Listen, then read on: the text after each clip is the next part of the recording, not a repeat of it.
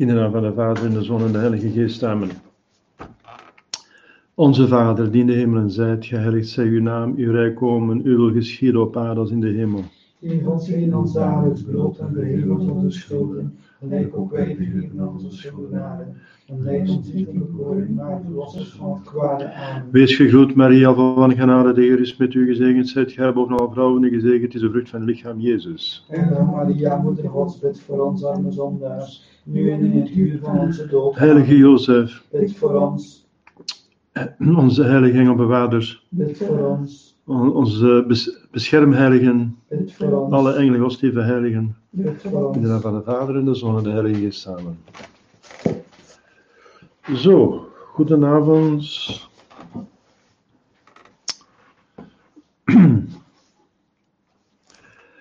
We gaan verder met eh, de middelen van de genade. We hadden het gebed gezien, eh, in het algemeen, en dan het gebed des Heren, dan de eredienst voor Maria met het gebed tot Maria, en dan de eredienst van de heiligen. En nu komen we tot de sacramenten. De sacramenten zijn eigenlijk het belangrijkste middel voor de genade, zoals u weet. Het sterkste middel voor de genade.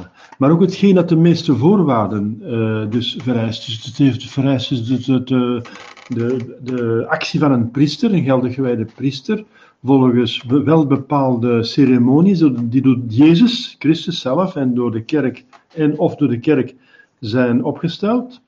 De sacramenten zijn allemaal door onze Heer Jezus Christus ingesteld. Ehm, de kerk heeft hier en daar wat kunnen eh, dus aanvullen wat Jezus dan heeft vrijgelaten. maar de sacramentaliën zijn vooral door de kerk ingesteld. En die worden ook, eh, dus eh, daar wordt ook over gesproken dan eigenlijk, maar dat zijn dan wel, die zijn wel van een andere categorie, de sacramentaliën. Eh, ja. Deze catechisme spreekt er eigenlijk niet over, over de sacramentaliën. Eh, over de zegeningen. Daar zullen we dan wel over spreken, omdat het ook belangrijk is. Maar de sacramenten zijn wel het belangrijkste. En ook het, eh, ja, omdat ze zo heilig zijn, hebben ze, hebben ze verschillende vereisten. Het gebed is het gemakkelijkste. Hm? Dat vereist geen, niet de tegenwoordigheid van een priester. Je kunt bidden in een gulag, in een concentratiekamp, eh, in een gevangenis. In een, eh, als Robinson Crusoe op een eiland kan nog bidden. Hè? Je bent geïsoleerd, je bent alleen, je bent eh, in, in nood. Er is niemand om je bij te staan, je kunt nog altijd bidden. En het gebed van een rechtvaardige vermag veel, zegt de Heilige Schrift. Dus dat is er altijd het gebed. dat is het gemakkelijkste, bereikbaar, en dat is een bron van genade, maar dat is het minst krachtigste. Het minst krachtige. In vergelijking met het sacrament en sacramentalen. Sacramentaligen zijn krachtiger dan het gebed, maar niet zo krachtig als sacramenten. En de sacramentaligen hebben meer vereisten voor de geldigheid. Daar moet een priester bij te pas komen om ze te aan te maken, maar niet om ze toe te passen. Bij de priester is het sacrament ook, de, de priester aanwezig om het sacrament toe te passen. Bijvoorbeeld, de priester geeft de communie, de priester uh, geeft absolutie enzovoort. Uh, dus je kunt niet. Uh, dus, dus het sacrament, uh, de, de priester maakt het aan, dus de consecratie, en hij deelt het uit, bijvoorbeeld de communie. Maar bij sacramentale maakt de priester het aan en het hoeft niet. Uh, soms geeft de priester het, bijvoorbeeld bij de zegening van Blasius, met de kaarsen die hij dan uh, aan, aan, de hals laat komen. Maar bijvoorbeeld de roze, roze krans die gezegend is, die kunt je thuis gebruiken. Hè? Dus die, die zegening die blijft dus vast aan die rozenkrans. En die, die sacramentalië, die kracht van de sacramentaal, kun je thuis dan verder gebruiken. Hoe meer vurigheid, hoe meer dat je uit de sacramentalië haalt. En dan op de derde plaats, de hoogste plaats, komen dan de sacramenten, uh, die dus heel krachtig zijn. Bijvoorbeeld het de krachtigste sacrament, het allerheiligste sacrament, dat is God zelf. God zelf. God die een oogstrijke persoon. Dus wat is er krachtiger en heiliger dan God zelf? De communie. Dan begrijp je dat het uh, belangrijkste is. Het belangrijkste middel.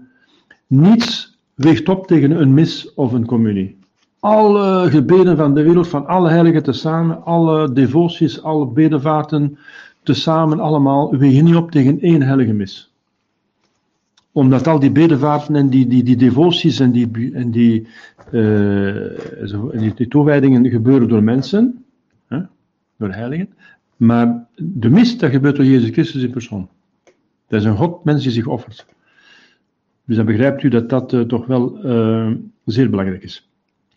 Dus we gaan nu spreken eerst eh, over de sacramenten in het algemeen en dan over de sacramenten in het bijzonder.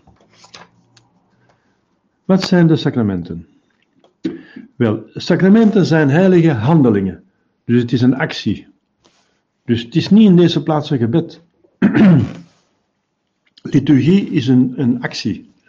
Maar dat door gebed wordt eh, begeleid en omgeven en gedragen. Hè? Dus om, om de sacramenten goed te kunnen eh, toedienen, moet je eerst in gebed gaan. De voorbereiding is al gebed en ook het, het, eh, het toepassen gebeurt ook met gebed. Bijvoorbeeld de na de mis wordt een danksprekking gevraagd. Dus het gebed is noodzakelijk. Hè? De, de, de, de, de apostelen bijvoorbeeld, bijvoorbeeld, de apostelen bereiden zich uren voor op de mis. Urenlang gebed voor de mis. Maar de mis zelf, eh, de, de, de sacramenten zelf zijn heilige handelingen. Het misoffer, een offer is een handeling. Dat met gebed samengaat, maar het is essentieel een handeling. Het zijn dus heilige, heilig, want het, het heiligt. Het, is, het brengt naar de hemel. Het komt van een heilige, Jezus. En het maakt u heilig en het brengt naar God, naar de heilige. Het, brengt naar de, het heiligt ons. Het zijn middelen ter heiligheid, ter zaligheid. Het zijn heilige handelingen en woorden. Ja. Er zijn eh, woorden bij, want de woorden zijn de belangrijkste tekenen. Want het is een eh, sacrament is een, een, eh, een teken, het is een symbool. Het is een symbool dat bewerkt hetgeen dat het betekent. Dat is een andere definitie. Deze, deze definitie zegt: sacramenten zijn heilige handelingen en woorden door Jezus Christus ingesteld. Ziet je, alle sacramenten zijn door Jezus Christus ingesteld. En Jezus zegt bij het sacrament van het eh, altaar: doe dit, doe dit. Dus je moet niet iets anders doen. Je moet doen wat Jezus gedaan heeft. En dat geldt ook voor alle andere sacramenten. Dat we juist moeten doen wat Jezus heeft gevraagd. Ehm, op gevaar dat het sacrament niet meer geldig is als we iets anders gaan doen. Door Jezus Christus ingesteld, dus heeft gezegd dat het zo moet gebeuren. Hè, bijvoorbeeld het heilige oosten moet gebeuren met olijfolie. Dat is onder andere veranderd geweest door, eh, dat is een van de dingen die veranderd geweest zijn geweest door Vaticaan II. De kardinaal heeft toegevoegd bij de nieuwe ritus voor het heilige olifsel, of het heilig vormsel, dat het mag gebeuren met eh eender welke eh, plantaardige olie. En dat maakt dus het vormsel ongeldig. Ja, want ze doen niet wat Jezus gevraagd heeft. Zoals je dus bijvoorbeeld zou consacreren met, een, eh, met maïs, een maïskoek. Bijvoorbeeld in Afrika, maïskoek en kokosnotenmelk. eh misdoen met kokosnotenmelk en maïskoek. Dat werkt niet, hè? En in Amerika met chips en Coca-Cola. Dus, dus dat werkt niet. Jezus heeft gezegd, doe dit tot mijn gedachtenis. Er zijn priesters die dat doen, hè? Er zijn priesters die zo gek geweest zijn om zo ver te gaan, want je lacht ermee met die maïskoeken of die maniokkoeken en die, eh en die eh, kokosnotenmelk en die chips en Coca-Cola. Maar er zijn priesters die dat gedaan hebben. Die hebben dus liturgie aangepast aan de cultuur van het volk. Zoals eh Sacro Sanctum Concilium zegt, dat is een document van Vaticaan II, zegt dat je de liturgie mocht aanpassen aan de cultuur, de gevoeligheden van de priester en het volk. Hm? En zo heb je dus eh biermissen gehad in Oostenrijk, in een biertent. Je hebt voetbalmissen gehad in Nederland, hè? met voetballen ingewerkt in het altaar. In plaats van reliquieën zaten daar voetballen in. En het voetbalteam zat in het, eh, in het heiligdom. In plaats van de kanuniken en zo, zaten daar de voetbalteam. De ochtendmis met koffie in plaats van met wijn. Dat is allemaal dingen die gebeurd zijn. Dat is niet om mee te lachen. Dat is, eh, En ze hebben dan in Rome eigenlijk eh oogluiken toegelaten. Dat is nog, eh, nog het schoonste van de grap. Of het, het ergste van het drama, beter gezegd. Dus het is heel belangrijk dat we erover spreken, dat we goed weten wat een sacrament is, om te zien ja, hoe dat wij de sacramenten moeten eh, eh, behouden. Enfin, de priesters in ieder geval, maar ook de gelovigen, moeten toezien of dat een priester het wel doet zoals het hoort, want anders gaan ze naar een andere priester. Wat is uw referentiepunt om te zien of een priester of een bisschop goed is? Wel, uw catechismus, hè? Dat is uw referentiepunt. Je hebt er geen andere, hè? En dat is voldoende, hoor. Dat is voldoende om te zien of een priester goed is. Nou, je moet hem wel kennen, uw catechismus, hè? Je moet hem goed verstaan. Daar kun je eigenlijk alle problemen mee oplossen. Hier staat bijvoorbeeld in, uh, een ketter staat buiten de kerk. Wel, het is algemeen geweten dat Franciscus een ketter is, dan staat hij buiten de kerk en is er geen pauze. Je moet gewoon, dat staat ook in deze catechismus. Gewoon je catechismus kennen en een klein beetje nog logica overhouden, als het goed is, als het mogelijk is, alsjeblieft. Dus sacramenten zijn heilige handelingen en woorden want alle sacramenten gaan gepaard met woorden en de woorden behoren zelfs tot de geldigheid. De priester moet zeggen onder de mis, dit is mijn lichaam. Dat, dat moet hij zeggen of het is niet geldig. Hm? En bij de biecht ook zo, en bij, de, bij het is het ook zo, die woorden zijn nodig voor de geldigheid. Dus zijn heilige handelingen en woorden door Jezus Christus ingesteld. Uh, dat staat niet allemaal in de, in de Heilige Schrift. Hè? De protestanten gaan zeggen, ja, maar dat staat in de Heilige Schrift, sola scriptura. Ah ja, dat is juist het bewijs dat de Heilige Schrift niet de enige bron van, van openbaring is. Er zijn sacramenten die niet in de Heilige Schrift staan en waar niet juist in staat hoe het moet gebeuren. Bijvoorbeeld dat de, uh, dus de vormsel met, met olijfolie moet gebeuren, staat niet in uh, de Heilige Schrift. Dat staat niet in de Heilige Schrift. Het, het, dus staat, uh, maar het staat wel, het werd dus, het staat in het concilie van Trente, in de catechismus van het concilie van Trente staat er dat Jezus Christus het heeft ingesteld, het heeft uitgelegd tussen zijn verrijzenis en zijn hemelvaart. Maar zijn nog veertig dagen uh, op aarde tussen zijn apostelen en hij sprak hun, zegt de Heilige Schrift, over Koninkrijk Gods. Maar er, werd niet, er staat niet in wat hij juist gezegd heeft aan de apostelen gedurende veertig dagen. Dat staat wel in de openbaring. Want hij werd dus overgeleverd door pausen en, kerkvaders. Dus door de, apostelen aan, aan de kerk. En daarna is dat gekristalliseerd in boeken natuurlijk. Hè. Dus dat tegen de protestanten, die ook niet alle sacramenten aannemen. Bijvoorbeeld het priesterschap nemen zij niet aan. Voor hen is dat geen eh, eh, sacrament, terwijl dat toch het in de Heilige Schrift staat. Want Jezus zegt, doe dit tot mijn gedachtenis. Doe dit. Doe dit. En hij zegt het aan de apostelen die aanwezig zijn. Niet aan, aan iedereen. En meteen waren ze priester gewijd daardoor. Konden ze de mis opdragen. Waar ze het priesterschap. Na de verrijzenis gaat hij de macht geven om zonden te vergeven. Dus pas na de verrijzenis, later, krijgen ze een andere priesterlijke macht. Dus ze zijn gaandeweg, zijn ze dus, uh, heeft Jezus de sacramenten uh, dus ingesteld. Maar ze staan er allemaal niet duidelijk in. Hè. Het heilige daar wordt over gesproken door uh, een brief van Jacobus. Dat staat niet in de evangelie, maar een brief van Heer Jacobus spreekt erover. Als iemand ziek is, dat hij naar de priesters gaat om uh, de gezalfd te worden. En als, God het, en als God het wenst, dat hij dan genezen wordt. En dat hij gezalfd wordt door de vergiffenis van zijn zonde. Dus staat de, uh, het belangrijkste in wat de effecten zijn van het heilige oorlog. De zonde vergeven, die vergeten zijn in de bicht. En de genezing be, be, bekomen eventueel, als God het goed vindt.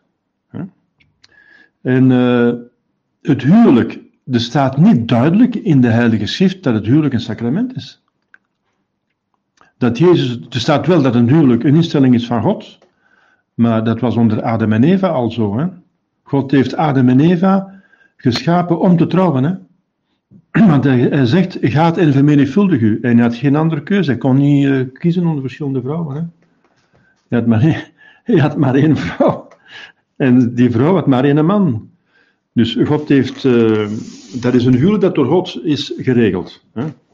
Maar ze, ze, ze, ze horen geweldig goed bij elkaar. Als God iets doet, doet hem het goed. Hè? Ze horen geweldig goed bij elkaar natuurlijk. Adam heeft van zijn vrouw gehouden, hè? ook al heeft zij natuurlijk. Uh, hij is zodanig van zijn vrouw dat hij haar niet durft tegenspreken. Dus hij is eigenlijk. Uh, hij heeft zwaar gezondigd tegen God omdat hij zijn vrouw niet wil tegenspreken. Hij hield eigenlijk te veel van zijn vrouw. Want dat is eigenlijk de erfzonde. Dat hij niet nee heeft gezegd tegen Eva. Dus uit zwakheid Het, het liefde, een verkeerde verstaande liefde, want liefde is in het goede, niet in het kwade. Hè? Maar ja, dat is een andere kwestie. Maar in ieder geval, ehm, ja. Dus er is heel veel te zeggen over dat, eh, die definitie van een sacrament, omdat het zo actueel is. Eh Vaticaan II heeft eh, de sacramenten ook aangetast. Het is begonnen met, t- met ketterijen, hè? met de, de, de, de, de verkeerde godsdienstvrijheid, de godsdienstvrijheid voor verkeerde eh, godsdiensten. Er zijn elementen van waarheid en heil in alle godsdiensten, dus de,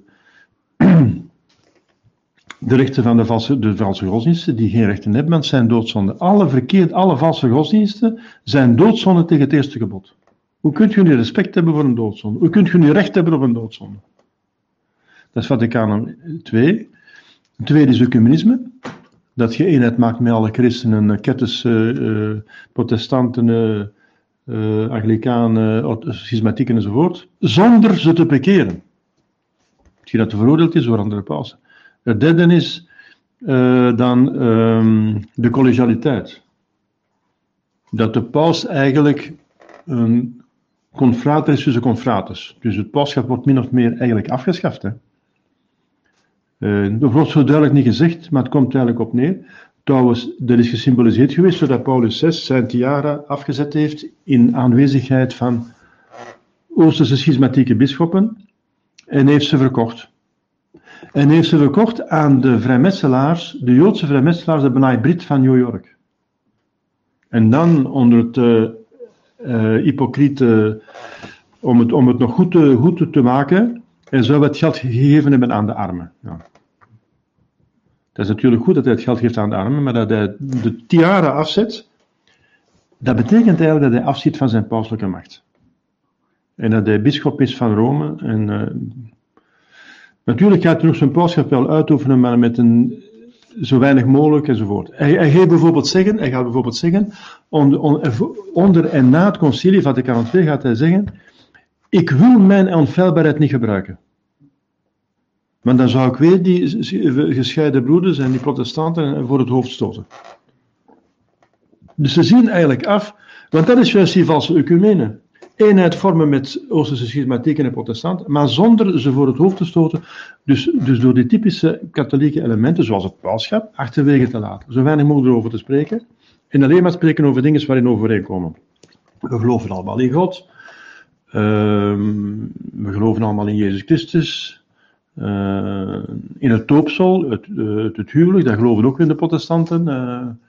Uh, enzovoort.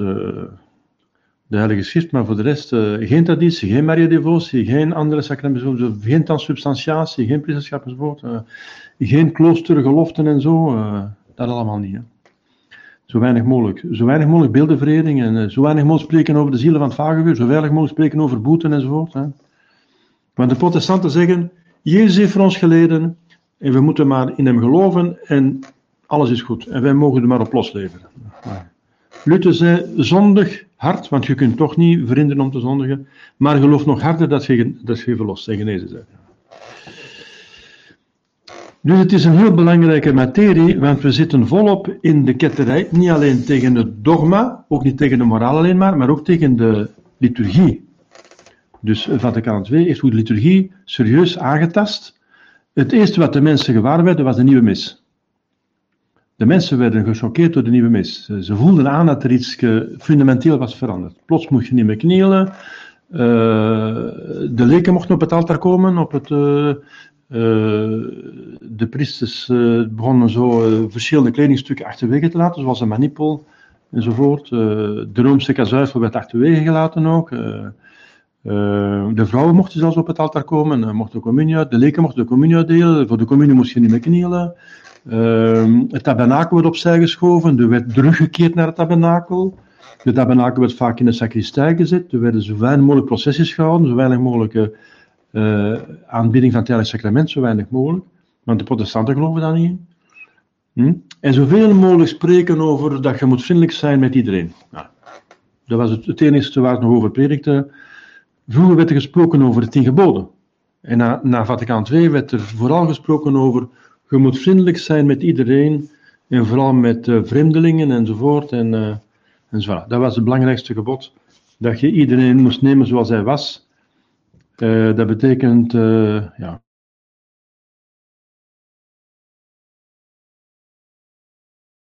Respect voor eh, die zondaar. Daarna gaan ze zeggen: Ik heb respect voor die zonde. Ik zal de namen niet noemen, want dat is weer politiek incorrect. Dan gaan ze misschien weer zitten knippen en zo met YouTube enzovoort. Maar ja, dus je mocht tegenwoordig, dat moeten we onder vier ogen zeggen dan, waar het over gaat. In ieder geval, u kent de tien geboden wel. Hopelijk. Dus de sacramenten, uh, ik herhaal het, zijn heilige handelingen en woorden door Jezus Christus.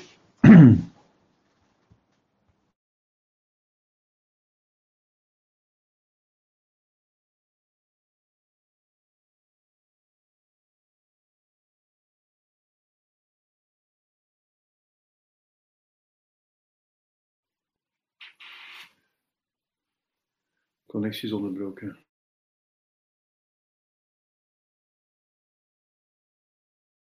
connectie was even onderbroken. Dat is internet. Ja. Ik hoop dat nu iedereen mij begrijpt nu, mij, mij hoort. Ja. Het was eventjes onderbroken. Ja, hopelijk uh, hoort iedereen mij terug.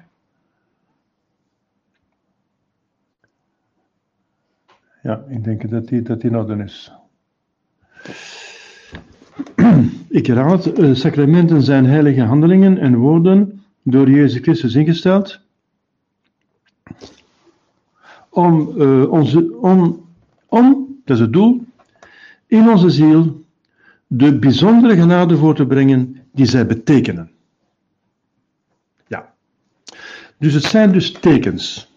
En zij betekenen. En zij brengen die genade voort die ze betekenen. Dat is het eigenaardige van een sacrament. Het is een teken dat ook verwerkelijkt, verwezenlijkt hetgeen dat het betekent. Bijvoorbeeld een, richtingwijzer die onderweg ziet richting Brussel. Hè, uh, of, neemt af Antwerpen of neemt een meer sympathieke stad. Want Brussel is een hellhole volgens uh, Trump. Moet er dikwijls naartoe gaan, dat is gevaarlijk daar enzovoort. Of in ieder geval, je ziet een richtingwijzer laat ons zeggen, naar uh, Nazareth. Dat is een mooiere naam voor een mooiere dorp. Richtingwijzer naar het dorp, dat bestaat, hè? Nazareth. Ik weet niet wat daar goed is, maar de naam klinkt al goed, hè? Dus je ziet een richtingwijzer naar Nazareth. Die richtingwijzer staat bijvoorbeeld in Lier. Of in, uh, in Locristi, ik weet niet waar. Dus, dus die Nazareth is niet daar. Nazareth is niet in Locristi. Nazareth ligt bijvoorbeeld, ik weet niet wat, 20 kilometer verder of ik weet niet waar. Ik zeg zo maar iets. En, maar die richtingwijzer, die betekent, dat is een teken, en dus dat zijn woorden, en ook die punt die wijst de richting aan. Er zijn verschillende tekens, zowel de vorm van de richtingwijzer, die de punt die de richting aanwijst, en ook de naam die erop staat, die, die zegt wat er daar verder ligt, en ook het, de afstand, bijvoorbeeld zo'n kilometer. Dat zijn allemaal tekens, dus de naam, de afstand en de punt, de richting.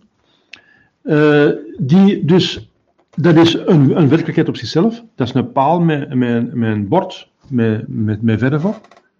Dat is de realiteit. Maar die beduidt iets anders, een andere realiteit. En die realiteit is de gemeente Nazareth. En wel, een sacrament is ook een teken. Dus dat, dat, uh, dat drukt ook iets uit. Bijvoorbeeld bij het doopsel wordt er water gebruikt en dat wordt, dat, dat wordt over het lichaam gegoten en je beduidt lichaam wordt eigenlijk gewassen daardoor. Gewassen. Het beduidt een afwassing. Maar het verschil met een gewoon teken is dat het sacrament ook gaat, uh, wat het betekent, namelijk de afwassing, en het beduidt dan de afwassing van de ziel. Dat is geen dat ze willen uh, beduiden. Dus het teken zelf is dat het lichaam wordt gewassen, er wordt water uh, gegoten over het, over het hoofd. Of zelfs over het ganse lichaam, want in het begin gebeurt dat met onderdompeling. Dus het, het teken is een afwassing van het lichaam, maar het betekent iets anders. En de, de andere dingen die het betekent, is dat het eigenlijk zou willen beduiden dat de, de, de afwassing van de ziel. Maar die afwassing van de ziel, die wordt door de afwassing van het lichaam, onder bepaalde voorwaarden, met alle andere elementen van de heiligheid die nodig zijn, wordt afgewassen. Dus het is dus alsof er daar een richtingwijzer staat, Lo Christi. En als je daarnaar kijkt, zijt geen Lo Christi. Dus dat is een teken dat, wat het betekent, verwerkelijkt. Dus het teken is een afwassing van het lichaam en het betekent de afwassing van de ziel. En wel door de afwassing van het lichaam met de juiste woorden en de juiste intentie enzovoort, komt ook de afwassing van de ziel, wordt die, wordt die verwerkelijkt, wordt die daardoor verwezenlijkt. Dat is, het, dat, is, dat is met alle sacramenten zo. Met de zes andere sacramenten.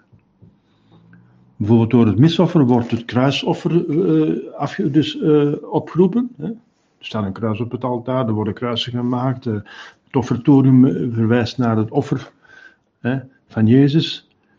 Maar op het moment van de consecratie is het kruisoffer op een onzichtbare, maar re reële, sacramentele wijze tegenwoordig. En zo is het met alle andere sacramenten. Dus het zijn tekenen die de bijzondere genade voortbrengen, die ze betekenen. Ze, ze bewijzen niet alleen ernaar, het is zoals de protestanten zeggen, oh, de is een verwijzing, het is een, uh, een gedachtenis van wat Jezus gedaan heeft. Het is een pure verwijzing. Nee, zegt de keer, het is niet een pure verwijzing, het is ook wel een verwijzing, maar het is een verwijzing dat ook verwezenlijkt hetgeen dat het verwijst. Het is eigenaardig dat de protestanten dat wel aannemen voor het doopsel, maar niet voor de mis. dus ze zijn niet consequent, eigenlijk. En het is een bijzondere genade. Bijvoorbeeld, ik heb het nu al verschillende sacramenten genoemd. Het doopsel, die, haalt het, die is gemaakt voor, het, voor de erfzonde. En dan voor alle andere zonden. Tweede plaats. De bicht is gemaakt niet voor de erfzonde. Want je moet gedoopt zijn om te kunnen bichten. Dus is gemaakt voor alle andere zonden, vooral doodzonden. Die is gemaakt voor doodzonden en ook voor dagelijkse zonden. Uh, de heilige mis, die is gemaakt om het kruisoffer tegenwoordig te brengen en al die genade die, dat, die het meegebracht hier en nu tegenwoordig te stellen. En te beschikking te stellen van alle mensen hier en nu, van goede wil, die, uh, die daar, uh, ja, die daar een betrekking mee hebben. Dus uh, dat staat in de mistekst. Dus in het offertorium wordt er gebeden voor alle christenen, aanwezigen en afwezigen, levenden en overledenen. En ook de intenties waarvoor het gedaan wordt. Bijvoorbeeld als de mis wordt opgedaan speciaal voor de intentie van, van die ziel, het vagevuur, dan wordt vooral die ziel in het vagevuur geholpen door de mis. Dus je hebt ook de intenties van de mis. Dus ze brengen bijzondere genade voor. Het huwelijk brengt een bijzondere genade voor om die vriendschap uh, te verstevigen tussen man en vrouw, uh, met het oog op de, voor, de voortplanting, op het voortbrengen van kinderen en het opvoeden van kinderen in trouw, wederzijdse trouw, hulp en steun, en dat ze dat goed kunnen doen. dus dat ze, dus, dat ze dat goed kunnen doen. Enzovoort. Het, het vormsel geeft de volheid van de gave van de Heilige Geest en de deugden en, en, en gaven. De volheid. Het doopsel geeft het begin. Mijn doopsel wordt geen kindje. Hm? Je bent mens. Zoals je bijvoorbeeld mens bent, als je, als je, als je geboren bent of gewekt wordt, zijt je, zijt je een mens. Maar een onvolmaakte mens. En als je volwassen bent, heb je dus de volwassenheid. Normaal gezien, als je een gezonde mens bent, heb je alle, al je krachten van je, je mensheid. Wel, dus in het bovennatuurlijk leven dat ook zo. Door het doopsel word je geboren. In het bovennatuurlijk leven. Maar door het volksmond krijg je het volledige wasdom krijg je dus de capaciteit om tot een volgroeide uh, christen te komen. De volheid van de genade, de gave van de Heilige Geest en ingesloten deugden en gaven. Ja. En uh, we hebben al verschillende sacramenten genoemd. Uh, nu nog het priesterschap. Ja, de priesterschap, dat weet je, dat geeft de genade om te consacreren, de mis op te dragen. En de genade om zoon te vergeven. En de genade om zegeningen uit te oefenen. Zegeningen. En ook de, heeft ook de genade om uh, goed te kunnen begrijpen de katholieke dogma en moraal en die te kunnen onderwijzen. Hm? De speciale uh, genade om dat te kunnen doen. En ook de genade om een zekere minimum aan heiligheid te kunnen beoefenen. Enfin, aan, aan, aan uh, heiligheid, ja, in de brede zin van het woord, dat je toch een minimum aan deuden hebt. Je moet het voorbeeld geven aan de mensen Dus dat je toch een minimum aan deugdenbeoefening zelf hebt. Want er is niets dat het volk zozeer sticht als een heilige priester. En er is niets dat een volk zozeer tot geloofsafval brengt als slecht, slechte klerus. Zoals we die nu hebben.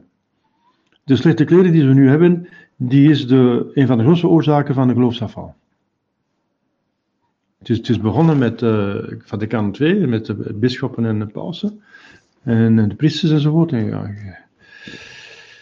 De mensen zijn niet veranderd. De mensen zijn hun geloof kwijtgeraakt omdat de pausbisschoppen en priesters het geloof zijn kwijtgeraakt. Het komt niet van de gelovigen, die crisis. Hè? Tenminste, de onmiddellijke oorzaak zijn niet de gelovigen. De onmiddellijke oorzaak is Vaticaan II. Maar de middelijke oorzaak, dat wil zeggen de, ver, de verdere oorzaak natuurlijk, dat is een infiltratie door de vrijmetselarij. Ja. En daar hebben de gelovigen ook wel enigszins schuld aan, als ze te weinig gebeden hebben voor hun priesters. Ze hebben misschien te weinig gebeden voor de kerk, ja. Te weinig gedaan, ja. Hadden, hadden alle mensen, uh, voor het concilie, alle, alle mensen, elke dag het Oze gebeden, uh, voor de intenties van Maria, dan zou dat niet gebeurd zijn. Wel, je krijgt ook de leiders die je verdient, zegt, zegt het spreekwoord. Ja. Goed, dus uh, dat is ongeveer het belangrijkste wat we kunnen zeggen van de definitie van een sacramenten. Het is heel belangrijk, zoals ik zei, want uh, anders begrijpen we niet wat er gaande is nu met Vaticaan II, met die sacramenten, wat ze daarmee gedaan hebben. Uh, ze, hebben ze, hebben eigenlijk verlangd om ze geprobeerd, dus degene die Vaticaan II bewust hebben misbruikt om de kerk af te breken, wel, ze hebben Vaticaan II wilden misbruiken om uiteindelijk de sacramenten ongeldig te maken. De mis ongeldig te maken door een ongeldig offertorium. Normaal drukt het offertorium de intentie uit, namelijk het kruisoffer tegenwoordig te stellen. Die intentie wordt niet meer duidelijk, uitdrukkelijk uitgedrukt. Dus als u de tekst van de mis volgt, de Novus de nieuwe mis van Paulus VI, dan heb je een ongeldige consecratie. Want het is een essentieel element voor de geldigheid van de consecratie die er ontbreekt. Hetzelfde met priesterschap en, en de bischopswijdingen. Dus dat is hetgeen dat ze geprobeerd hebben. Als ze de mis ongeldig maken, maar vooral het priesterschap ongeldig maken en de bischopswijding ongeldig maken, hebben ze de ganse kerk afgebroken. Ah, ja. Het doopsel ben ik dus 16. Ah ja, ja, die gaan misschien een andere keer spreken, want dat is inderdaad een ingewikkelde kwestie. Het doopsel uh, is ook uh, in gevaar. In gevaar sinds dat er een, een, een, verklaring is van een theologische commissie die eigenlijk regelrecht ingaat tegen de intentie die je zou moeten hebben voor de geldigheid van een doopsel, namelijk de zonde afwassen. Je moet de intentie hebben om te doen wat de kerk doet. Wat de kerk doet met de doopsel is de zonde afwassen, wat de kerk doet. Dus uh, ook als je niet weet uh, dat dat de intentie van de kerk is, maar je hebt dan een intentie van de kerk, maar je hebt een uitdrukkelijke intentie om de zonde niet af te wassen, ja, dan is er een probleem. Maar het is bekend, dat staat, dus een, is een uitspraak geweest van een paus, als je die intentie hebt om een sacrament niet toe te passen, en je drukt het toch niet uit, maar het blijft in jezelf, is het sacrament ongeldig. Dus dat is toch wel uh, belangrijk. Maar we zullen het daar bij gelegenheid misschien van het doopsel, want we gaan de sacramenten apart behandelen, nog wel over hebben. Uh, dan, hoe dienen de sacramenten tot de zaligmaking van de mensen? Ja, want dat is voor ons belangrijk. Het zijn middelen om zalig te worden, en wij willen allemaal naar de hemel. Hè? Er is niemand die zegt dat niet naar de hemel wil, of hij is gek, of hij weet niet wat de hemel is. Dan beseft hij niet wat de hemel is, maar iedereen die beseft wat de hemel is, die wil er naartoe. En dit zijn de sterkste middelen. En ze zeggen, ja, hoe moeten we ze dan gebruiken? Wel, de sacramenten dienen tot de zaligmaking van de mensen door de heiligmakende genade te geven of ze te vermeerderen. En te gepaste tijd de dadelijke genade te verschaffen die nodig zijn om het bijzonder doel van ieder sacrament te bereiken. Dus in de eerste plaats heiligen de sacramenten ons door de heiligmakende genade te geven. Ja, ik heb wel gezegd, dus uh, uh, uh, dat gebeurt door het doopsel natuurlijk. Door het doopsel wordt het, de restzonde en alle zonde afgewassen. Als men na het doopsel sterft, gaat men recht naar de hemel. Het doopsel geeft de heiligmakende genade. We zullen in het doopsel nog zien, als we het gaan, apart gaan behandelen, dat er drie vormen van doopsel zijn.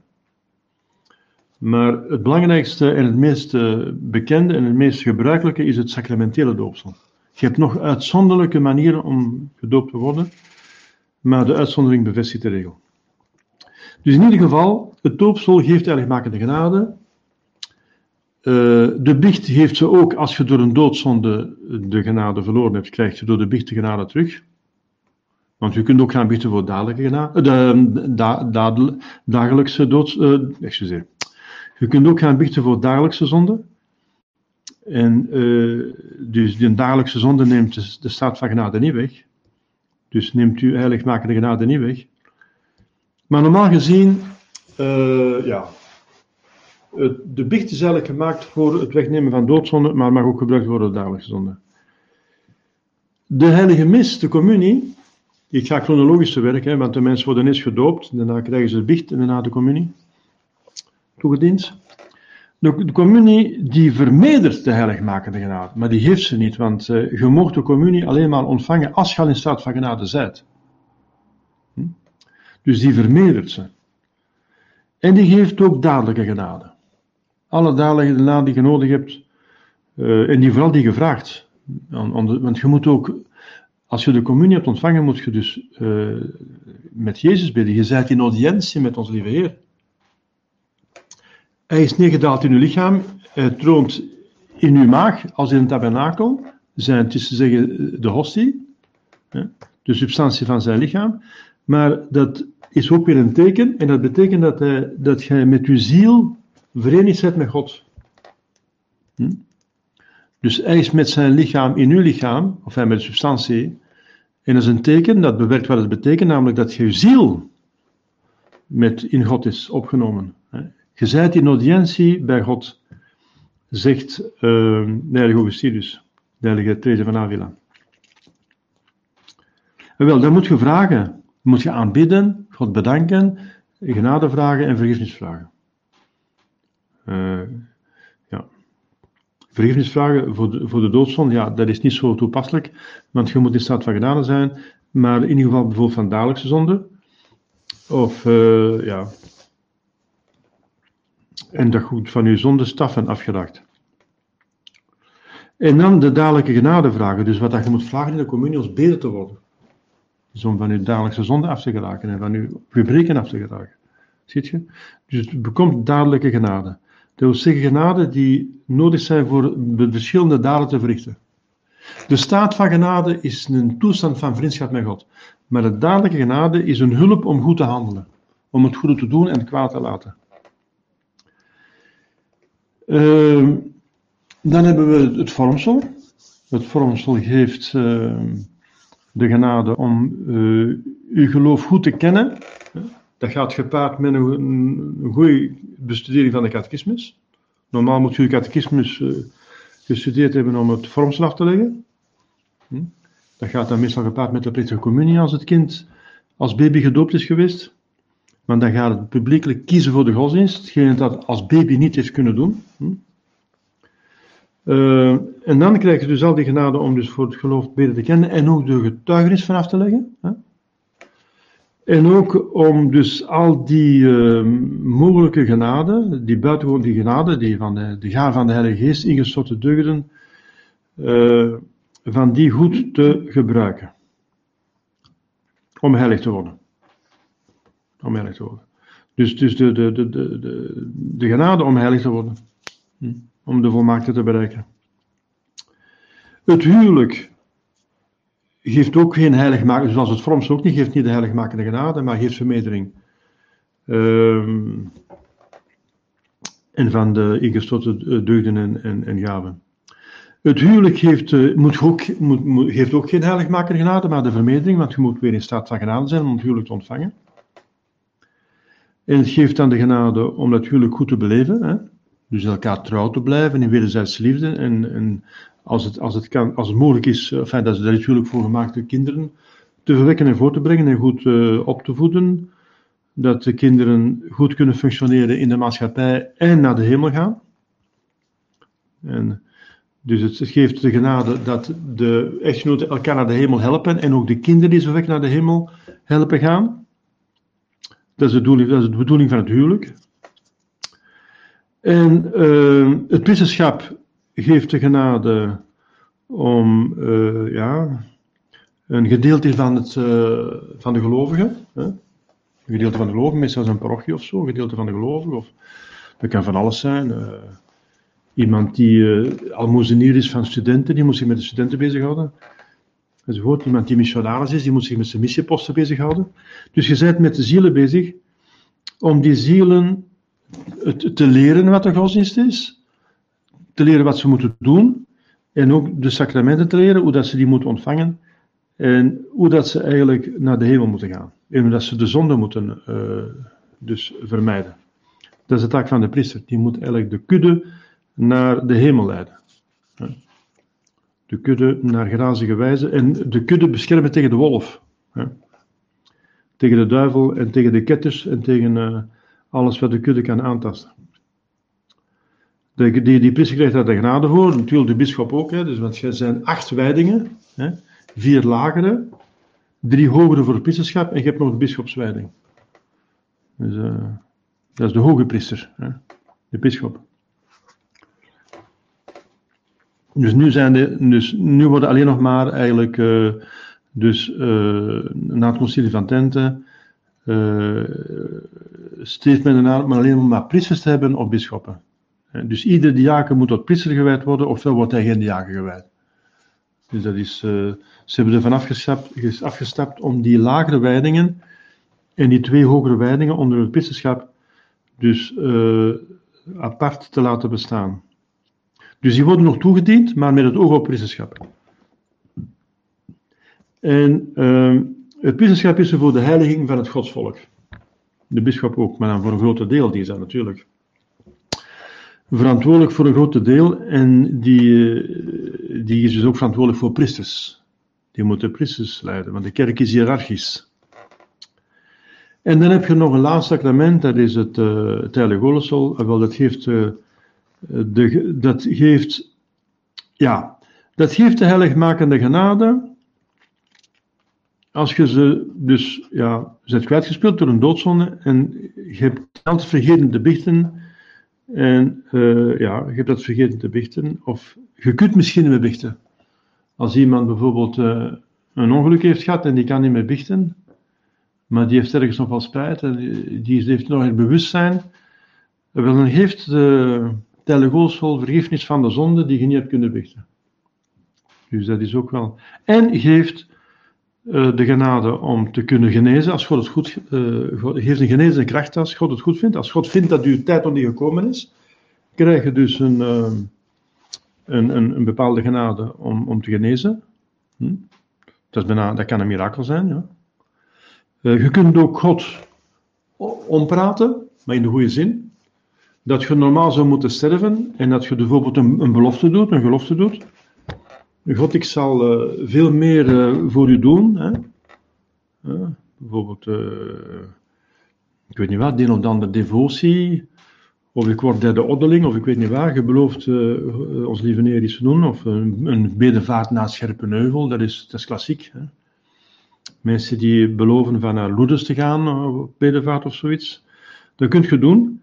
Uh, en, en je belooft dat en dat je daardoor ja, verlengenis krijgt van je leven. En God geeft meestal de, de genezing van, van zware ziektes die normaal tot, tot de dood moeten leiden, uh, geeft hij meestal door het heilige die genezing. Als hij de genezing geeft. Meestal door het heilige, want dat is een normale weg. Een normale weg om genezing te bekomen, vooral die levensbedreigend is, is het heilige. Want het heilige moet ook gegeven worden. En mag alleen maar gegeven worden als er een levensbedreiging is. Binnen het jaar. Of we zullen daar wel over hebben als we er uh, zover zijn. En het geeft ook de genade om als uw tijd gekomen is, want we moeten, iedereen moet sterven. Er is niemand die er aan ontsnapt. Er is absoluut geen enkele uitzondering. Iedereen moet sterven. Iedereen. Van Adam en Eva tot zelfs Elias en, en Henoch, die niet gestorven zijn, die zullen ooit, die zullen ooit sterven. als Mattela zelfs. Zelfs Maria is gestorven, Jezus, allemaal, zelfs de mensen op het einde van de wereld gaan allemaal sterven. Dan gaan ze allemaal verrijzen en gehoord worden. Dus we ontsnappen er niet aan. Alleen is de kwestie wanneer. Wanneer. Dus uh, nee, nou vroeger dan de ander, of nee, later dan de anderen. Dus geeft de genade als God besloten heeft dat je nu moet gaan, want onze dagen zijn geteld, dat is zo. Hè?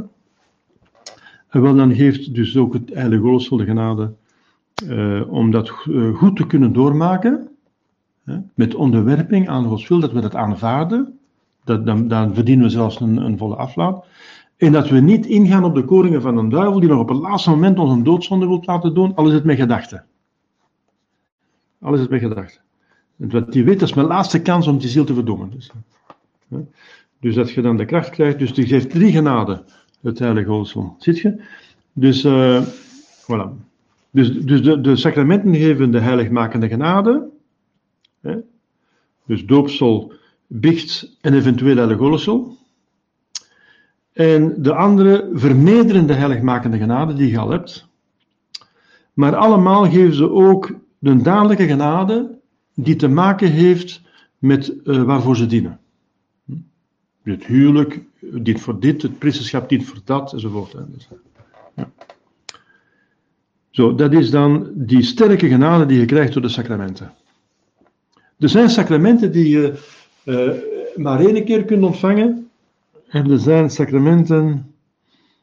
Ja, dat, dat, dat, dat, dat komt later. Dat komt hier later. Ja, die je dikwijls kunt ontvangen. Allee, hoeveel sacramenten zijn er? Ja, ik heb ze juist allemaal opgenoemd. Hè. Dus je kunt een parallel trekken met het leven dat we hebben. Het natuurlijke leven, het menselijke leven. Ik heb er al een beetje naar verwezen straks. Dus je wordt verwekt en geboren hè, in de natuur. En wel in de bovennatuur heb je doopsel. Waardoor je ontstaat als kind van God. Je wordt kind van God. Je krijgt een ander leven. Je krijgt een dubbel leven, in de goede zin, hè? Natuurlijk. We hebben een natuurlijk leven, maar ook een bovennatuurlijk leven. Dus we hebben twee levens. Maar het bovennatuurlijk leven wordt geënt op het natuurlijke leven. Je moet bestaan om te kunnen uh, gedoopt worden. Je moet, je moet, je moet, uh, iemand die niet bestaat, kan niet gedoopt worden. Dus, dus het bovennatuurlijk leven is geënt op het natuurlijk leven. Dus je wordt verwekt en geboren, en wel, je wordt gedoopt. Door het doopsel word je geboren in de bovennatuur. Krijg je God als uw vader en Maria als moeder. Enzovoort. Recht op de hemel, we zullen dat straks zien. Een andere keer zien als we het over het doopsel hebben. En dan, uh, dat kind, uh, dat krijgt dan, begin al, ik, ik, durf het woord vaccinatie niet uitspreken, want dat is nu. uh, dat, is, dat wordt tegenwoordig, dat is controversieel. Maar in ieder geval, dat kind dat wordt verzorgd. En als er iets mee is, krijgt hij medicamenten. Er wordt toegezien op zijn gezondheid. Dus als het kind ziek wordt, krijgt het med medicatie. En wel, in de bovennatuur zit de bicht. De, de zonde is de ziekte van bovennatuur. En dat is zelfs een dodelijke ziekte. Als het doodzonde is, kun je daar aan, aan doodgaan. En de medicatie daarvoor, voor die ziekte, is de bicht. Ja, na het doopsel is dat de bicht. Wel, dat kind dat moet zo vlug mogelijk eten krijgen ook. Dat moederlijk lichaam heeft niet alleen dat kind gevoed uh, in de moederschoot, via de navelstreng, maar nadien ook met de borst, als het goed is, enzovoort. En daarna krijgt hij daar voedsel, zoals uh, stilletjes aan, uh, zoals ieder andere mens. Wel, in de bovennatuur krijgen we de heilige communie. We worden gevoed door God zelf. Zoals de, het kind gevoed wordt door, door de moeder, van het lichaam van de moeder, die dezelfde natuur heeft als het kind, zo worden we gevoed door God zelf, waarvan we, wij hebben dezelfde natuur niet als God, maar we, het doopsel, dat zult je zien, geeft een deelname aan de goddelijke natuur. En die deelname die wordt gevoed door God. Want de communie is God en we krijgen God als voedsel. Dat is ongelooflijk. Dat sacrament, daar moeten we plat op de grond voor liggen om God voor te bedanken, want dat is zo groot. We krijgen God als voedsel. Want het is onder vorm van brood dat lichaam voedt en de wijn die het, voor de pissen die het lichaam ook voedt. En eh, het werkt uit wat het betekent, dus het is voedsel voor de ziel. Dus waar het zintuigelijk verbeeld voor het lichaam, werkt het uit in de ziel. Dat is het sacrament. Zoals we gezien hebben. Dus de, de is ons voedsel en dat voedsel is God. Want het bovennatuurlijk leven is een deelname aan het goddelijk leven. Dat is ongehoord, hè? Dat, is, dat is iets dat uh, ons werkelijk zou moeten uh, doen uh, beven van eerbied en ook doen smelten van dankbaarheid. Huh? Pastoor Van As zei, als wij beseffen wat de sacramenten zijn, en hij had het over het maar ook over het andere sacrament, het sacrament des altaars, dan zouden we sterven van geluk. Moesten wij echt beseffen wat het echt is, zouden we sterven van geluk. Hm. Moesten we echt beseffen. Hm. Het uh, wel, een kind dat dan eet en dat goed verzorgd wordt tegen ziektes, dan ontwikkelt zich en het wordt volwassen. En wel in de bovennatuur is dat het vormsel. Vormsel geeft de volwassenheid. In het natuurlijk leven gaan we ons, iets doen als volwassenen. We gaan liefst niet, niet, niet, niet niks doen. De mens is niet gemaakt om niks te doen. Hm? Gaat ten onderwerp de aarde, gaat en vermenigvuldigen, gaat en dit. Dus, dus de, de, de, mens moet van alles gaan doen. Dus de mens gaat een beroep leren, gaat iets, iets, iets doen in zijn leven dat nuttig is. Dat liefst nog overeenkomt met zijn talenten natuurlijk. Het ideaal is dat je je talenten kunt ontwikkelen, dat het nuttig is voor de maatschappij en dat je, daar, uh, dat, je dat graag doet, want het is uw talent. Uh, en voilà, dat je dat graag doet en je kunt er bovendien nog geld mee, uw, uw geld mee verdienen, uw brood mee verdienen, uw kost mee verdienen en het is nog nuttig voor de maatschappij. Dat is het ideaal. Een talent waar je je kost mee verdient en dat nuttig is voor de maatschappij. Dat is het ideaal. Dat zou je moeten proberen zoveel mogelijk te verwezenlijken. Op natuurlijk vlak. Ja, je natuurlijk wel uh, de dagelijks, dus de, de erfzonde met de, uh, de problemen. Hè. De mensen worden ziek, er zijn die gehandicapt zijn, er zijn die vroeg sterven, er zijn die niet goed, die, die, die moes hebben, die de, je hebt van alle mogelijke, is, je hebt ja, sinds de zondeval heb je de straf die op de mensheid rust, dus je kunt niet altijd het ideaal verwezenlijken, hè, want dit leven gaat gepaard met, met kruisen, maar het ideaal is dat. Hm? Dat je talenten, al je talenten die je hebt, allemaal kunnen ontplooien zoveel mogelijk. Want dat doe je graag. Daar word je gelukkig van dat je je talenten kunt ontplooien. En dat bovendien nog je kost mee verdient. En dat het nuttig is voor de maatschappij. Dat is het ideaal. Wel, op bovennatuurlijk vlak heb je dus twee mogelijkheden. Het huwelijk of het priesterschap. Dat zijn twee sacramenten. Het huwelijk is vooral meewerken met God in de schepping, met het oog op de heiliging, maar dan gaat dat kind natuurlijk verwekken voor de hemel, en gaat ook op voor de hemel. Maar God is ook geschapen voor de hemel. Je gaat meewerken met God in zijn schepping. Maar ook met oog op de verlossing. En de priesterschap gaat veel meer directer meewerken met de verlossing. Veel directer. Dat wordt het instrument van zijn verlossing. De kerk. Hm? En heb je nog uh, sacramentaliën, dat zijn bijvoorbeeld uh, uh, religieus. Je kunt nonneke worden of broeder, dat zijn sacramentaliën. Dat, dat, is, dat is nog een derde roeping. Of maagd in de wereld, dat zijn sacramentaliën. Dus dat is. Uh, maar dus, dus je hebt ook dus een taak, een levenstaak uh, in uh, de bovennatuur. En dan in de natuur moet er weer mogelijk sterven. Hm? En dan gaat je naar een ander leven.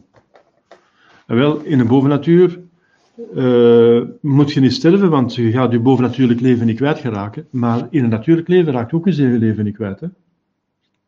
In een natuurlijk leven laat je je lichaam kwijt, maar, maar niet je ziel. Dus, uh, dus, uh, dus het, de dood voor het natuurlijke leven is dus overgaan naar een leven als geest. Hm? Of je nu gedoopt bent of, of niet, iedereen die sterft en de dood is een scheiding tussen ziel en lichaam. Het lichaam legt je af en de ziel die leeft verder. Maar in de bovennatuur is dat een overgang van ook naar een ander leven. Zoals het sterven een ander leven is. Een leven uw ziel leeft hier op aarde met uw lichaam. Na de dood zal het zonder lichaam leven. Dus, dus zal het geestelijker leven. of nu naar de hemel of naar de hel gaat, je gaat geestelijke leven. De, in de hel zijn het ook geesten, hè? de duivelen zijn ook geesten. Hè? Dus je gaat het geestelijke leven. En wel, in de bovennatuur is het ook zo. Je gaat geestelijke leven, je gaat over, dus een kanteling, je gaat van de uh, genade overgaan naar de glorie. En daar dient het heilige Golos voor. Van de genade overgaan naar de glorie. Dus het is een veel groter leven. Je zit hier dus op de, op de aarde als in een... Uh, Sint-Augustinus zegt, we zijn op aarde als in een moederschoot. Als een kind in de moederschoot. Negen maanden in de moederschoot. Dus een heel beperkte wereld. En als je geboren wordt, kom je in een ruime wereld terecht. Ah, wel. Dus wij zitten hier in de, op aarde in de wereld van de genade. En als we dus sterven, worden we geboren in de hemel. Dan komen we een veel ruimere wereld terecht, die van God namelijk. Het leven van God gaan we dan binnen. Dus uh, dat is onvoorstelbaar, hè? Ja. Dus je ziet je de sacramenten, er zijn zeven sacramenten. En Sint Thomas legt dat heel duidelijk uit, wat ik u je vertel, dat komt van Sint Thomas. Dus die trekt de parallel van het bovennatuurlijk leven met het natuurlijke leven. Weet je? En zo verstaat je het beste waar, waar die, eigenlijk, die zeven sacramenten vandaan komen. Wel, dat, zijn, dat zijn sacramenten die ons begeleiden in ons leven. Ja. en dan de volgende vraag, die kunt je zelf al oplossen, want daar heb ik al over gesproken, maar dat is nog eens een keer een verduidelijking. Welke noemt men de sacramenten der levenden? Wel, dat zijn de sacramenten die je staat van genade moet ontvangen. Dat wil zeggen, degene die de staat van de, de staat van genade moet hebben, om ons te mogen ontvangen.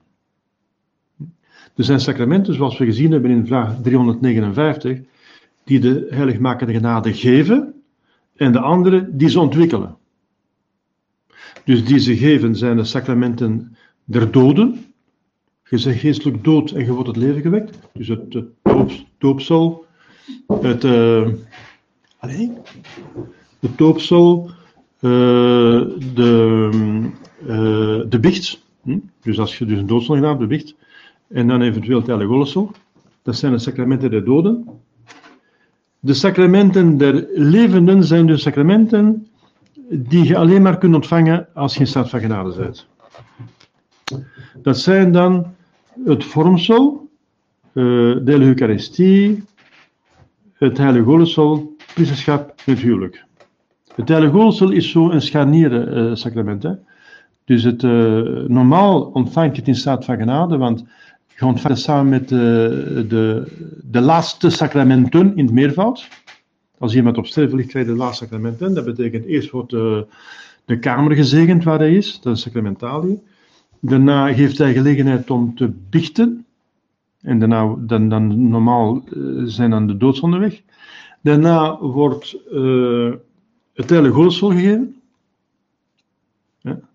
En daarna de communie. En daarna de pauselijke zegen voor een volle aflaat. Dat zijn dus de laatste sacramenten. Die uh, verschillende sacramenten hebben, namelijk de biecht, communie en heilige maar ook sacramentalië. De zegening van de, het lokaal, of van de kamer. En dan uh, de, de pauselijke zegen. Ziet je? Dat zijn de laatste sacramenten. Dus, dus normaal gezien kan heilige dus gegeven worden aan iemand die in staat van genade is. Hm? Of zelfs iemand die in staat van doodzonde is, bijvoorbeeld, hij heeft niet goed kunnen bichten, want hij is al versuft en heeft nog een doodzonde. En wel, ik heb u gezegd, dus er is een, een, een effect van het heilige oogsel, is dat het ook de doodzonde vergeeft die vergeten. Dus het heilige oogsel is zowel dus een sacrament van de levenden als van de doden. Dus de, beide, beide. Dat is een uh, speciaal geval. Dus, dus men, noemt, men noemt sacramenten der levenden, de sacramenten die men moet ontvangen in staat van genade, om ze waardig te ontvangen als men niet in staat van genade is dan doet men een heiligschennis. Want men is niet in staat van genade en ontvangt de communie, doet men er nog een doodzonde bij. Men is niet in staat van genade en men vangt de priesterschap of uh, het huwelijk, uh, uh, dan doet men nog een doodzonde bij. Dus dat is een doodzonde van heiligschennis. Men schendt de heiligheid van sacrament door ze in staat van doodzonde te ontvangen. Alleen stel je voor de communie. Jezus is God die het mens wordt en die zoveel heeft afgezien om ons die genade te geven van de Heilige Communie. Dat is zijn ganse passie. Dus een oneindige liefde heeft zijn ganse mensheid opgevoerd, ziel en lichaam. Eh, zijn lichaam is gemarteld, zijn ziel is, heeft verschrikkelijk geleden. Hè? Eh, dat geeft u bij de communie een, een liefde die zijn ganse mensheid opoffert en zijn godheid wil geven. En jij, jij, niet, jij in staat van doodzonde, in staat van haat. Dat, kan toch niet? Dat begrijp je dat zoiets totaal onmogelijk is. Dat is, dat is een schandaal van in zo'n staat. Je kunt niet staat van doodzonde, dus uh, de communie ontvangen. Dus dan doet er een doodzonde bij. Dus dat is onwaardig ontvangen. Dus om ze waar te ontvangen moeten we in staat van genade zijn. Het bovennatuurlijk leven der genade moeten bezitten. Hier staat een drukfout, hè? het moet leven zijn. Dat is iets anders. ja. Ja. Drukfoutje. Welke noemt men sacramenten der doden? Voilà, dus dat zijn degenen die ik juist gezegd heb, degenen die dus uh, gemaakt zijn om u de staat van genade te geven als je ze niet hebt. Dus te beginnen met het uh, doopsel, dat u verlost van de uh, erfzonde en van alle andere doodzonden als de doodzonden zijn gepleegd. Dus voor een pasgeboren baby is dat uitsluitend de, de, de, de erfzonde. Voor een volwassen kan dat ook uh, een doodzonde zijn, in het enkelvoud of het meervoud, en alle dagelijkse zonden. De bicht, hè, dus als iemand in doodzonde is, dan de bicht maakt hem terug levend, uh, de doodzonde weg. Uh, noemt men het sacrament der doden omdat zij op de eerste plaats bestemd zijn om het bovennatuurlijk leven de gemaakte genade te geven, of terug te schenken aan degenen die er door de zonde van beroofd zijn. Ze zeggen op de eerste plaats. Wel, er is één die op de tweede plaats ervoor gemaakt is, dat is zoals ik gezegd heb, het heilige Daar, spreken ze niet over, maar dat is dan onder, dat is datgene dat ik u dan verder uitleggen. Dus het heilige kan het ook geven. Normaal gezien moet je het proberen in staat van genade te ontvangen. Maar als je nu kunt, want je ligt al op sterven, zit er dikwijls niet, niet goed mee bij de geest, of je, hebt met, onder de invloed van de, van de medicatie, of onder de invloed van de ziekte, die kan werken op het functioneren van het verstand. Hè. Je zit dikwijls moe uitgeput of ik weet niet wat. Dus, uh, dus men moet nooit niet zo lang wachten om de laatste sacrament te ontvangen. De mensen wachten er veel te lang mee. Hè. Ze wachten tot iemand half dood is voor het sacrament ontvangen, maar die kan die persoon niet goed meer bichten. Dus wacht daar niet lang mee als er een levensgevaar is binnen het jaar, dan moet je eigenlijk het heilige ontvangen. Binnen het jaar. Als je ziet, binnen het jaar kun je sterven voor twee oorzaken. Uh, ofwel ziekte ofwel ouderdom. Wel, als door, door ziekte en of ouderdom uh, binnen het jaar een, een reëel stervensgevaar is, een reëel stervensgevaar, dus iedereen kan sterven, maar dat is geen reëel stervensgevaar, dat is een, uh, het moet een reëel levensbedreigende ziekte zijn en of ouderdom, dan mag en moet men telegoos ontvangen. En ik zou zeggen, nu nog meer dan vroeger, want nu zijn er veel minder priesters beschikbaar. Om nu een priester te, te, te, zoeken, dan moet je, die zijn niet meer bij de hand. Geldig gewijde priesters die nog sacramenten toedienen zoals het hoort, zijn niet meer zo bij de hand. Dus ja. Uh, dan, welke sacramenten kan men maar eens ontvangen? Ja. Wel, dat zijn er drie omdat ze een onuitwisbaar merkteken in de ziel prenten. Het doopsel, het vormsel en het priesterschap. Uh, ik kan het maar één keer ontvangen, tenminste als, als je het geldig ontvangen hebt. Eén keer. Wel, dat merkteken in de ziel, dat blijft dus in de ziel. Dus ook na de dood heb je dat merkteken. En dat merkteken, dat geeft een capaciteit aan de ziel. Een vermogen om iets te doen. Het kan een passief vermogen zijn of een actief vermogen. Een passief vermogen is om een, een actie van iemand anders te ontvangen. Een actief vermogen is om iets te doen. Dus het doopsel heeft een vermogen om iets te ontvangen, namelijk alle sacramenten.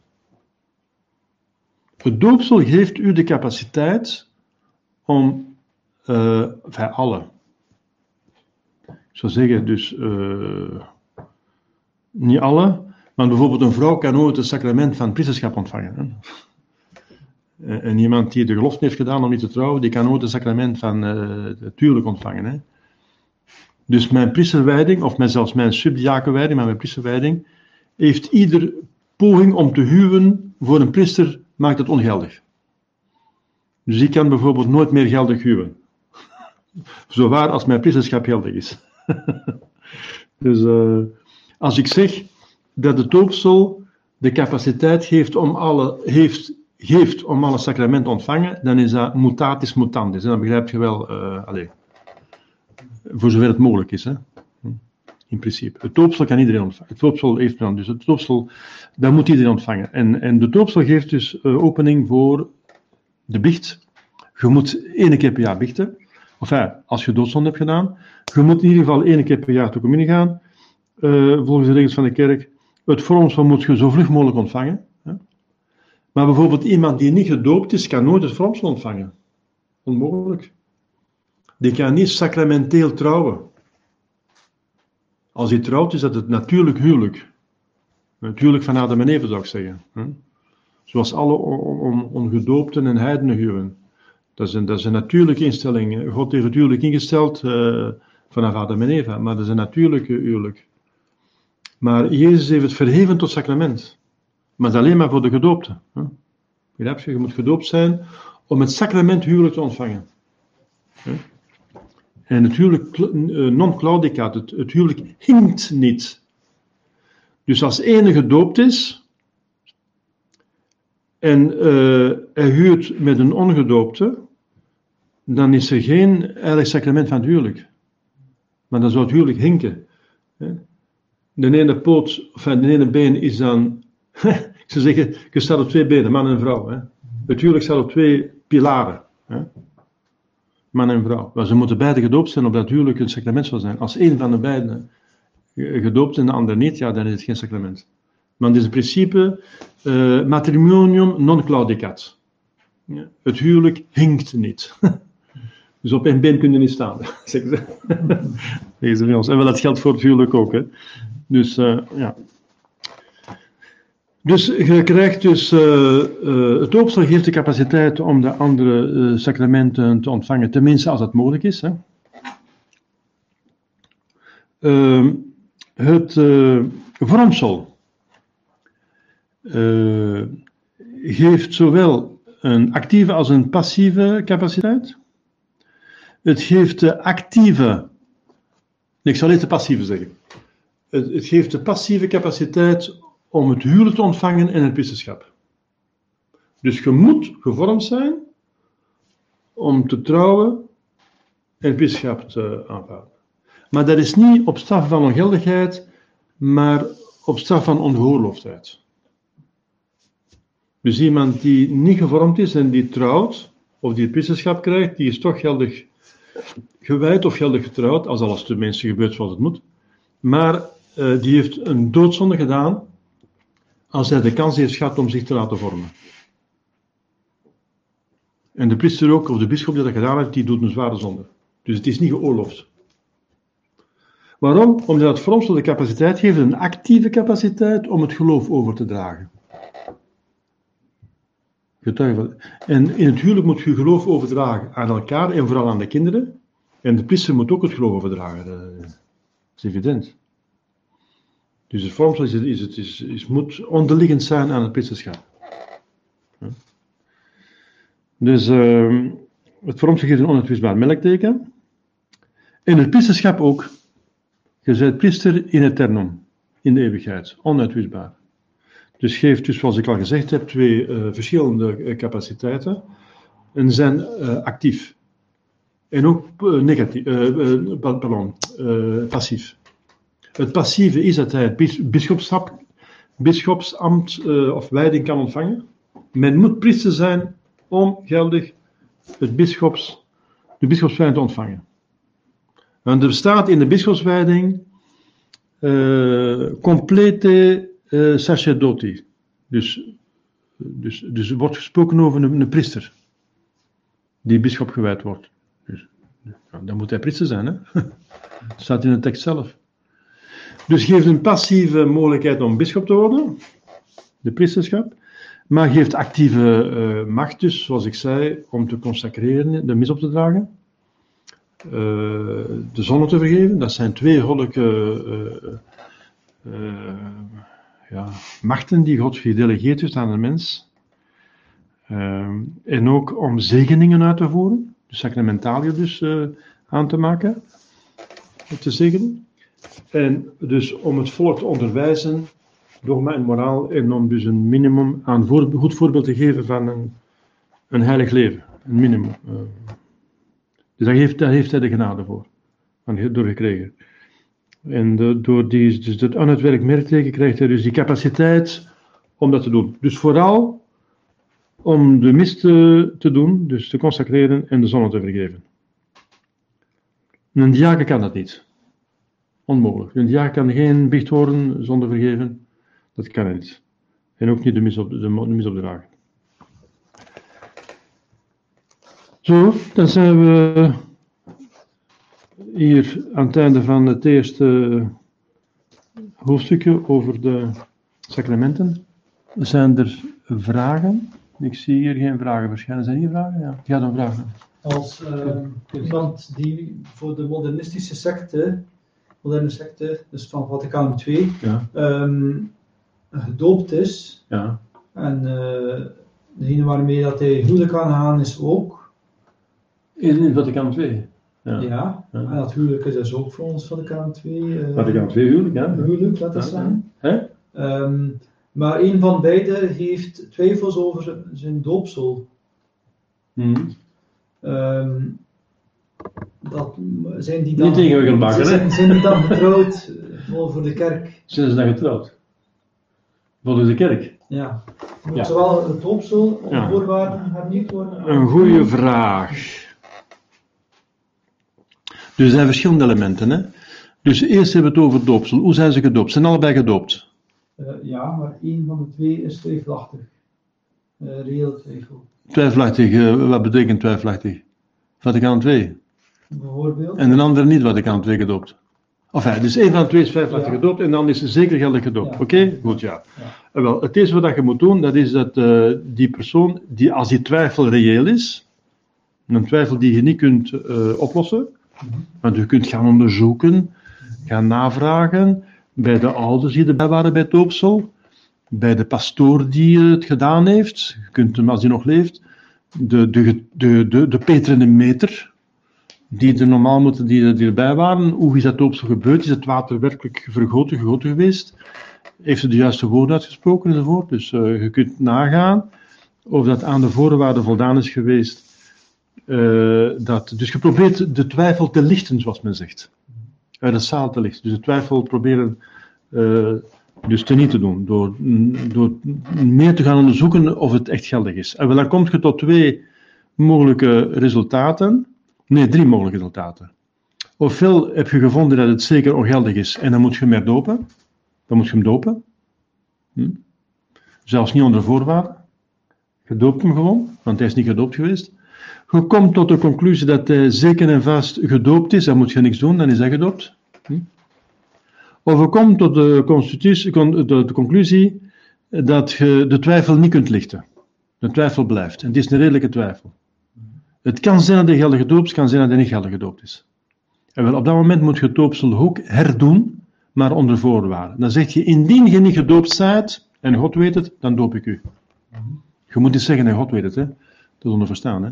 Dus je zegt- indien je niet gedoopt zijt, doop ik u, de naam van de Vader, Zoon Heilige Geest, en je- doet wat je moet doen. Dat is altijd goed. Want als, het, als hij niet gedoopt is, wordt hij gedoopt daardoor, en als hij gedoopt is, wordt hij niet gedoopt daardoor. Maar dat is steeds wat je moet doen. Dus dan is het, eh je komt tot een oplossing, in ieder geval, in alle gevallen komt tot een oplossing dat, je, dat die persoon, dan zijn ze allebei gedoopt. Voilà. Ze zijn allebei zeker gedoopt. Wat is de volgende vraag dan? Is een huwelijk dan geldig indien... Welk huwelijk? Ja, Dan een huwelijk in de secte, in de conciliaire secte. Ja. Ja of nee? ja. Ze huwen dan in de conciliaire secte. Ja, Nee, ervoor, hè.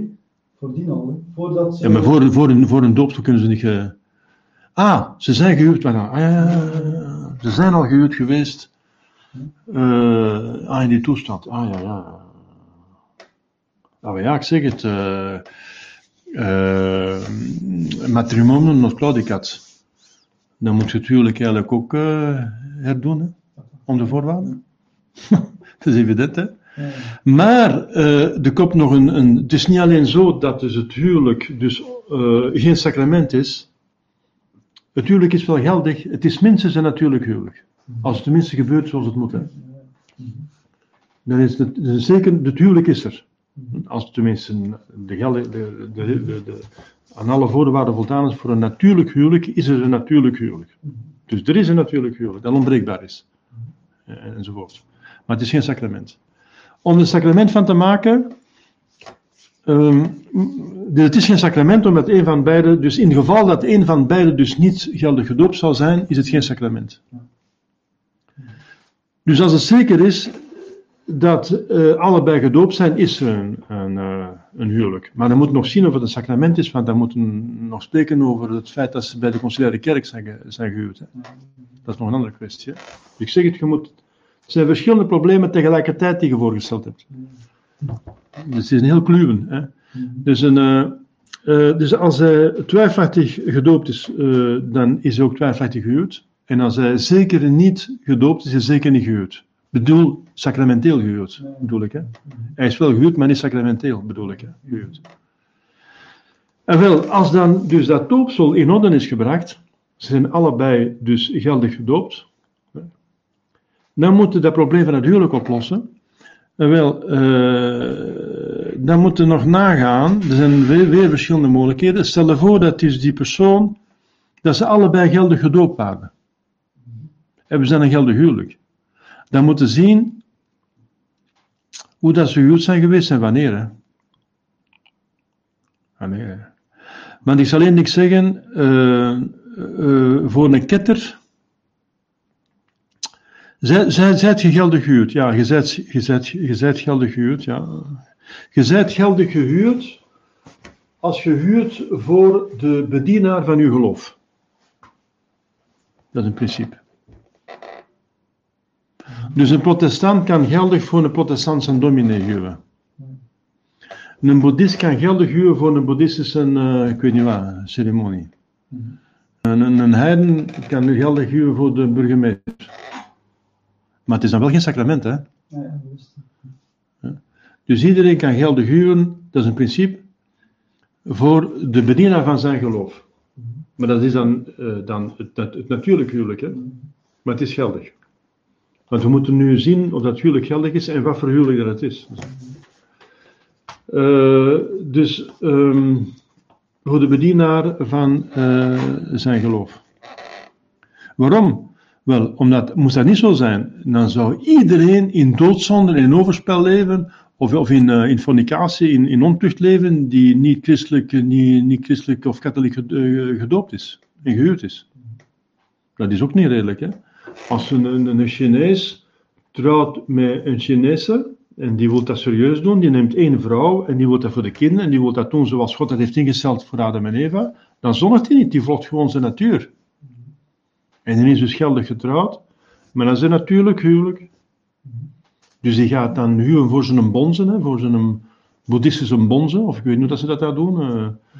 Dus als ze de ceremonie volgen van het land, van de cultuur, van de godsdienst wat wij behoort, of de filosofie wat wij behoort, dan is dat geldig, maar natuurlijk gehuwd. Dat is voor het natuurlijk huwelijk. En natuurlijk huwelijk is ook onverbreekbaar, hè? Hm? Dan natuurlijk, dus, dus, dus ze zijn, dus die dus ja, nu met die conciliaire, dat maakt het ingewikkeld, want het zijn eigenlijk ketters. Conciliaire zijn ketters. Hoe zit dat met de ketters? Ja, ja dus, eh, ah, wel, dus het, eh, als ze doen zoals het moet, is een doopsel geldig, eh, maar ongeoorloofd. Natuurlijk, het is niet geoorloofd om ketter te zijn, maar ja, eh, als ze die beter weten, is het... het is niet omdat als je protestant geboren wordt, dan word je protestant gedoopt. Hè? En, dat, dat kind is zelfs trouwens niet gekozen. Oh nee, de kinderdoop is meestal niet bij protestanten, maar dan als ze volwassen zijn. Of hij God zal oordelen in zover dat ze dus eh, schuldig zijn aan hun ketterij. Eh, en eh, het is wel zo dat ja, als je gedoopt bent, dan is uw huwelijk ook een sacrament. Hm. Ja. Voor ketters ook. Ja, dat is, eh, als je gedoopt bent, eh, is, je, is huwelijk een sacrament. Dat is gelijk de doop, als het goed gebeurt, is een sacrament ook bij de ketters. Dat is. eh, Maar het wordt lastig als er bijvoorbeeld een traditioneel, iemand die het echte katholiek is, en die gaat dan zich laten huwen voor eh conciliaire secte, want die, is, die wil trouwen met een conciliaire vrouw. En dat is niet goed. Want eh, een ketter die kan u niet trouwen, geldig. Want voor de geldigheid van een katholiek huwelijk heb je priester nodig. Voor het concilie van Trente. En voor een ketter kun je niet trouwen. Hè. Als je voor een, een, een, priester gaat trouwen, die is eh, waarschijnlijk of zeker geen priester. En dat zijn ketters, ik mocht je niet voor trouwen. Hè. Dus dat is, daar krijg je problemen. Je moet trouwen voor de bedienaar van je geloof. En als een traditionele eh, persoon gaat trouwen voor iemand van de Vergaten 2, dan krijg je problemen.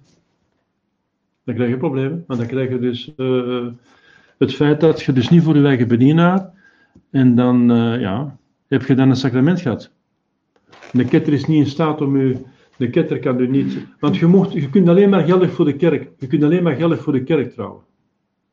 Dat is het principe. Een katholiek kan alleen maar geldig trouwen voor de kerk. Dus dat, die, huwelijk bij de burgemeester, dat, dat, is niks, dat is een formaliteit. Dat is een burgerlijk, dat is een burgerlijk-rechtelijke formaliteit die eigenlijk schandalig is. Ze zouden eigenlijk na het katholiek huwelijk naar de burgemeester moeten gaan. Maar niet voor. Maar ja, de wet heeft dat zo opgelegd. Dat is een schandaal. Laat ons zeggen dat voor een, voor een katholiek dan een, een, een belofte is dat ze gaan huwen voor de, voor de kerk. Maar als die een burgemeester getrouwd is, dan zijn ze niet getrouwd. Hè? Laat ons zeggen dat dat voor u is dat die een burgemeester op de hoogte is dat je voor de kerk gaat trouwen. Dat is het eigenlijk voor God. Geldig voor de. Ja. Heb ik nu aan alle eh, vragen beantwoord of is het eh, nog niet duidelijk? Ja, het zijn nog mogelijkheden, ja. Er, er zijn nog mogelijkheden.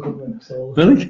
Ik zal niet ingewikkelder maken dan dat. Dus, eh. Ja, je raakt er wel uit. Voor alle problemen zijn er oplossingen hoor. Maar het kan inderdaad eh, is ingewikkeld worden. Ja. Ja, het kan ingewikkeld worden. Ja, ja, ja, ja, ja. ja. Dus daarmee, daarmee is het, eh, ja, het is lastig. Het is best dat je trouwt met iemand van je eigen geloof. Hè? Want anders komen er problemen. Hè? Bijvoorbeeld, het is mogelijk dat eh, een katholiek trouwt met een niet-gedoopte of met een ketter. Maar dat wordt de stelligste afgeraden. Maar de kerk het niet verbieden. Maar het huwelijk wordt dan eigenlijk ongeldig, behalve als de kerk dispenseert. En dan me- meestal vragen ze dan een dispensatie. Als daar een ernstige reden is, bijvoorbeeld er zijn niet genoeg meisjes in uw parochie, eh, of, ofwel er is al een kindopkomst of zoiets, eh, ja, dan gaat meestal de kerk wel geneigd zijn om te dispenseren. Hè? Dan krijg je een dispensatie. Maar, eh, ja, en dan eh moet je trouwen. Maar ik zeg het, ehm uh, matrimonio non claudicat, als die ander niet gedoopt is, is het eh, geen sacrament. Hè? Het beste is dat je trouwt met. In, in Nederland bestaat er een mooie eh, spreuk, en die zou in Vlaanderen ook moeten ingevoerd worden, maar wij kennen die niet. En die zegt: Twee geloven op één, op één kussen, daar slaapt de duivel tussen. Dat wil zeggen, eh, een huwelijksbed, eh, één kussen, is een huwelijksbed. Eh, tussen twee mensen die een ander geloof hebben, daar slaapt een duivel tussen. Dat wil zeggen, je hebt heel de tijd discussie over hoe gaan we leven. Gaan we zondags naar welke mis? Of gaan we naar een dienst van... hoe gaan we kinderen opvoeden? Hoe gaat het gekleden? Naar welke vakantie? Hoe gaan we naar welk programma gaan? Nou, Alles. De godsdienst doordringt alle domeinen van je leven. En als je hetzelfde geloof niet hebt, dan kun je over alles ruzie maken, of je moet over alles water in je wijn doen, en zelfs gif in je wijn doen. Maar het zijn dingen die je niet mocht doen. Die een ander volgens zijn geloof moet doen, en die jij volgens je geloof niet mocht doen. Ja, wat gaat er dan gebeuren? Natuurlijk moet je alleen maar eh, dus huwen met een, eh, met ketter of met een heiden, als die ander belooft uw kinderen katholiek op te voeden. Maar die, hoe kan die katholiek opvoeden als ze zelf niet kent? Dus het komt erop neer dat zij u toelaten dat jij ze katholiek opvoedt. Maar hoe gaat die man zijn kinderen opvoeden als hij de hele dag moet gaan werken? Dus je moet dat niet doen. Je moet dat niet doen. Maar ja, dus eh, twee geloven op één kussen, daar slaapt de, daar slaapt de duivel tussen. Dus doe dat liever niet. Hè. Doe dat niet. Ja. U had nog een vraag? Eh, eh, ja, als je nu een eh, katholiek, eh, iemand, twee mensen trouwen voor de kerk, dus een katholiek huwelijk, maar moeten ze dan eigenlijk de intentie hebben om eh, katholiek te, le- allee, op, volgens het katholieke geloof te leven? Oh ja. Eh, ja, maar dat is toch eigenlijk niet Oh ja. bij iedereen en zo. het Dat, dat behoort bij de huwelijksvoorbereiding. Ja, maar een huwelijksvoorbereiding, dat bestaat eigenlijk niet meer. Ah ja, maar dan heb je het niet over de katholieken, dan heb je het over de conciliaren. Hè? Normaal, een katholiek die wordt door zijn een katholieke priester serieus voorbereid op het huwelijk. Hè? Ja, ja. Ook nog in, in deze tijd. Ja, in deze tijd, de katholieken bijvoorbeeld die bij mij willen huwen, die worden bij mij goed voorbereid. Hè? Of, of, of in Dendermonde, of ik weet niet wat. Of ergens om Mossen Sandborn of zo, die Ja, worden ja, goed. In conciliaire. Ja, Nee, nee, dat is de katholieke kerk niet, hè? Ja. Dat is de katholieke kerk niet. Ze, ze zijn ketters. Ze, na 64 zijn ze ketters, dus zijn ze niet meer in de Dat kerk. is nog niet volledig doorgedrongen, denk ik. Ze zijn niet meer in de kerk, dus ze zijn ze ketter. Dat staat in de catechismus, een ketter behoort niet tot de kerk. Dat. En het is duidelijk bewezen, zwart op wit, dat ze ketter zijn. Dat is absoluut, eh, er is geen twijfel meer aan. Dus als je niet echt de intentie hebt om iemand katholiek, ah ja, katholiek je kinderen op te voeden, als je er, dan is dat eigenlijk niet geldig of wel geldig. Of, Dan moet die pastoor op voorhand zien, je moet beloven aan je kinderen katholiek op te voeden. Hè? Dus dan zit je al te liegen. ja, Dus normaal gezien wordt je door een priester, die moet u voorbereiden. En dan moet je beloven van kinderen te willen krijgen. Ah, dat moet je zo doen. Ah ja, want als je geen kinderen wilt, is je huwelijk onge- ongeldig. Als, je- als je al zegt, ik wil geen kinderen, dat is, dat is een reden van ongeldigheid. Hè? Nee. Als, als een, als een, eh, want dat is tegen het, duur- het, doel van het huwelijk. Ja, dat snap ik. Dus dat is het huwelijk, eh, als, het, als het geen zin heeft, geen doel heeft het geen zin, dan bestaat het niet. Ja. Dus mensen, dus dat is al, dat is al inderdaad veel tegenwoordig, dat mensen, of als je een bepaald aantal kinderen wilt, is het huwelijk ook ongeldig. Volgens de kerkelijke leer. Als zeggen wij willen twee kinderen en absoluut zeker daarna stop, eh, sterilisatie of ik weet niet wat. Of ik weet zeggen niet dat wat. veel mensen. Zo spreken veel. Ah, ja. Ah, maar ja, maar waarschijnlijk zijn dat conciliëren, hè? Ah, ja. Dat is waar. voor de zoveelste keer. Want bij ons mag dat gewoon niet. Zo iemand gaan wij niet trouwen. Hè? Als de mensen niet, niet beloven van hun best te doen om kind te krijgen en een katholiek op te voeden, eh, die, die kunnen wij niet trouwen. Hè? Want dan zeggen madame, u, wij kunnen, meneer, we kunnen niet trouwen, want huwelijk is ongeldig als je geen kinderen wilt. Of als je maar twee kinderen wilt of drie. Of, niet. we willen eerst een huis. Hè? Dus gaan ze allebei werken. Daarna een hond en een kat. En daarna een jongen en een meisje. En dan is het in orde. Hm? En dan, dan hebben ze dus... Begrijp je? dat is, dat is, ik, ik heb dan een kind, ik heb dan een jongen, ik heb, dat is ik, ik, ik, ik, hè. Ik heb graag een jongens en ik heb graag een meisje. Voilà. Dat is tamelijk egocentrisch, hè, dat is egoïstisch. Dat, is, dat is niet de bedoeling van medewerken met de schepping en de verlossing van God. Je moet een beetje zien wat dat God wilt, hè. Of een beetje, een beetje veel. Je moet... uw rijk komen, uw wil geschieden op aarde in de hemel. Dus eh, we moeten zien wat dat God wil natuurlijk, en niet wat dat wij graag zouden willen, hè. Ja, nog een vraag? Het huwelijk van Sint Jozef en de, onze heilige maagd Maria, Ja, die hadden eigenlijk beloofd van eh, geen gebruik te maken van de huwelijks. ja, eh, ja. ja. Ja. En ook bijvoorbeeld de heilige eh, Hendrikus, eh, eh, keizer, Ja, maar staat er en zijn gekomen. vrouw, Ja, ja, ja. hebben dat ook eh, Dat beloofd. is later gekomen pas. Eh, ah, dat is achteraf pas. Ja, achteraf, ja, ja. Maar van eh, Sint Jozef en de heilige maagd Maria was Ja. het voor het huwelijk al. Ja, In welke ja. zin was dat huwelijk geldig? ja, maar er was al een kind, dat een kind, hè? Ze hebben een kind gehad, hè, Jezus, hè? Ja. Dus het is niet een huwelijk dat ze geen kind willen, maar ja, is, is, is, is dat kind niet geweigerd, hè? Nee. Maar dat kind komt dan niet van Jozef, Nee. maar het is niet op een onwettelijke wijze in het huwelijk eh, verwekt. Ja. Het is niet door overspel of door eh, ontucht verwekt. Dus het is totaal legitiem, het is op een on, buitengewoon heilige wijze zelfs. In het huwelijk, namelijk ze waren al verloofd, maar dat, dat, dat, dat, eh, dat betekende eigenlijk al een huwelijk, verwekt. Het beste bewijs dat ze de kinderen niet afwezen, is dat Maria Jezus niet heeft afgewezen. hè. Maar het is wel een buitengewoon, het is ja, wel een, een uitzondering, een buitengewone uitzondering. maar zelfs daar was een kind. Maar zij konden niet weten, voordat de aartsengel Gabriel verscheen, Nee. dat er een kind zou kunnen komen, Nee. als ze beloofd hebben van eh keus te leven. Of Ja, ja, eh, dat klopt, dat klopt. Ja, keus niet, maar ik bedoel, zonder Dat klopt. Dat klopt, te- klopt, ja. ja, ja, ja. Ja, ja, ja, ja. Ja. Dat is dan de uitzondering die de regel bevestigt. Hè.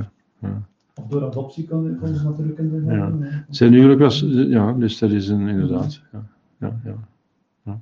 Maar in ieder geval, zelfs in dat huwelijk werd het kind niet geweigerd. Eh, maar God heeft, heeft, dat, heeft dat gewild dat zijn moeder en zijn vader, z- enfin, zijn, zijn biologische moeder en zijn wettelijke vader eh maagdelijk zouden zijn. Hè. Dat, hij zo, dat God heeft dat zo eh, georganiseerd. Hè. En er was een huwelijk, eh, twee mensen, en Jezus had een vader nodig, een moeder nodig en ook een, een wettelijke vader om Maria te beschermen, want ze zou anders gestenigd worden, moest ze alleen maar een kind hebben zonder man. Ze zei, waar komt dat kind vandaan? Ze zou nooit geloofd hebben dat het van God komt. Ze zou gestenigd geworden zijn.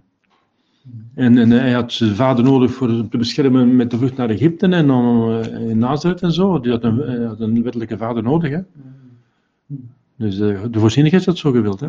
Dat is inderdaad een, eh, een buitengewone uitzondering, ja.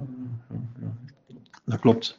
Maar in ieder geval, het is absoluut zo in de kerk, eh, omdat het het doel is van het huwelijk, kinderen verwekken in wederzijdse vriendschap en liefde en trouw. Voilà.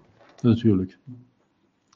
En, eh, en, en- maar als dat wordt uitgesloten, ja, dan is er dan is het, als je, als je het doel van het huwelijk al frustreert, dan is er geen huwelijk, hè. Ja, dat, is, dat, is, dat is logisch, hè. Natuurlijk, als je kinderen kunt krijgen, dat is een andere kwestie. Ja. Dat, dat maakt helemaal niks, eh, dat, is, eh, dat is iets helemaal anders. Dat, eh dat, dat belet de geldigheid van het huwelijk niet. Ja. Ja, er zijn huwelijksbletselen, daar gaan we misschien over spreken. Ja. Wat zijn huwelijksbletselen? Die het huwelijk ongeldig maken. Bijvoorbeeld impotentie maakt het huwelijk ongeldig natuurlijk. Hè. Enzovoort. Hè. Eh, ik had nog een vraagje in verband met het doopsel. Ja. Als er een, een twijfel is over het, eh, de heldigheid van het doopsel, Ja. dan moet onder voorwaarden eh, gedaan worden, het doopsel. Ja. Ehm, dan, ehm, ofwel is het dan, eh, was er geen doopsel en kan die persoon niet biechten, ofwel ehm, was Ja. er wel een doopsel ja. En en, en, en komt er geen sacrament bij in het doopsel, Ja. eh, onder voorwaarden, Ja. en is er eigenlijk geen noodzaak om te biechten. Waarom wordt er dan toch gebiecht eh, voorgaand aan eh, doopsel onder voorwaarden? Ja, ja, maar dat is heel eenvoudig. Je moet logisch redeneren. Hè. Dus, ja, je moet logisch redeneren.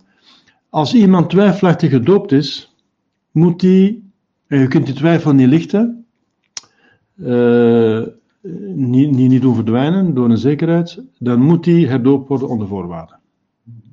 En dan zijn er twee mogelijkheden. Ofwel is hij al gedoopt, geldig, maar je weet het niet.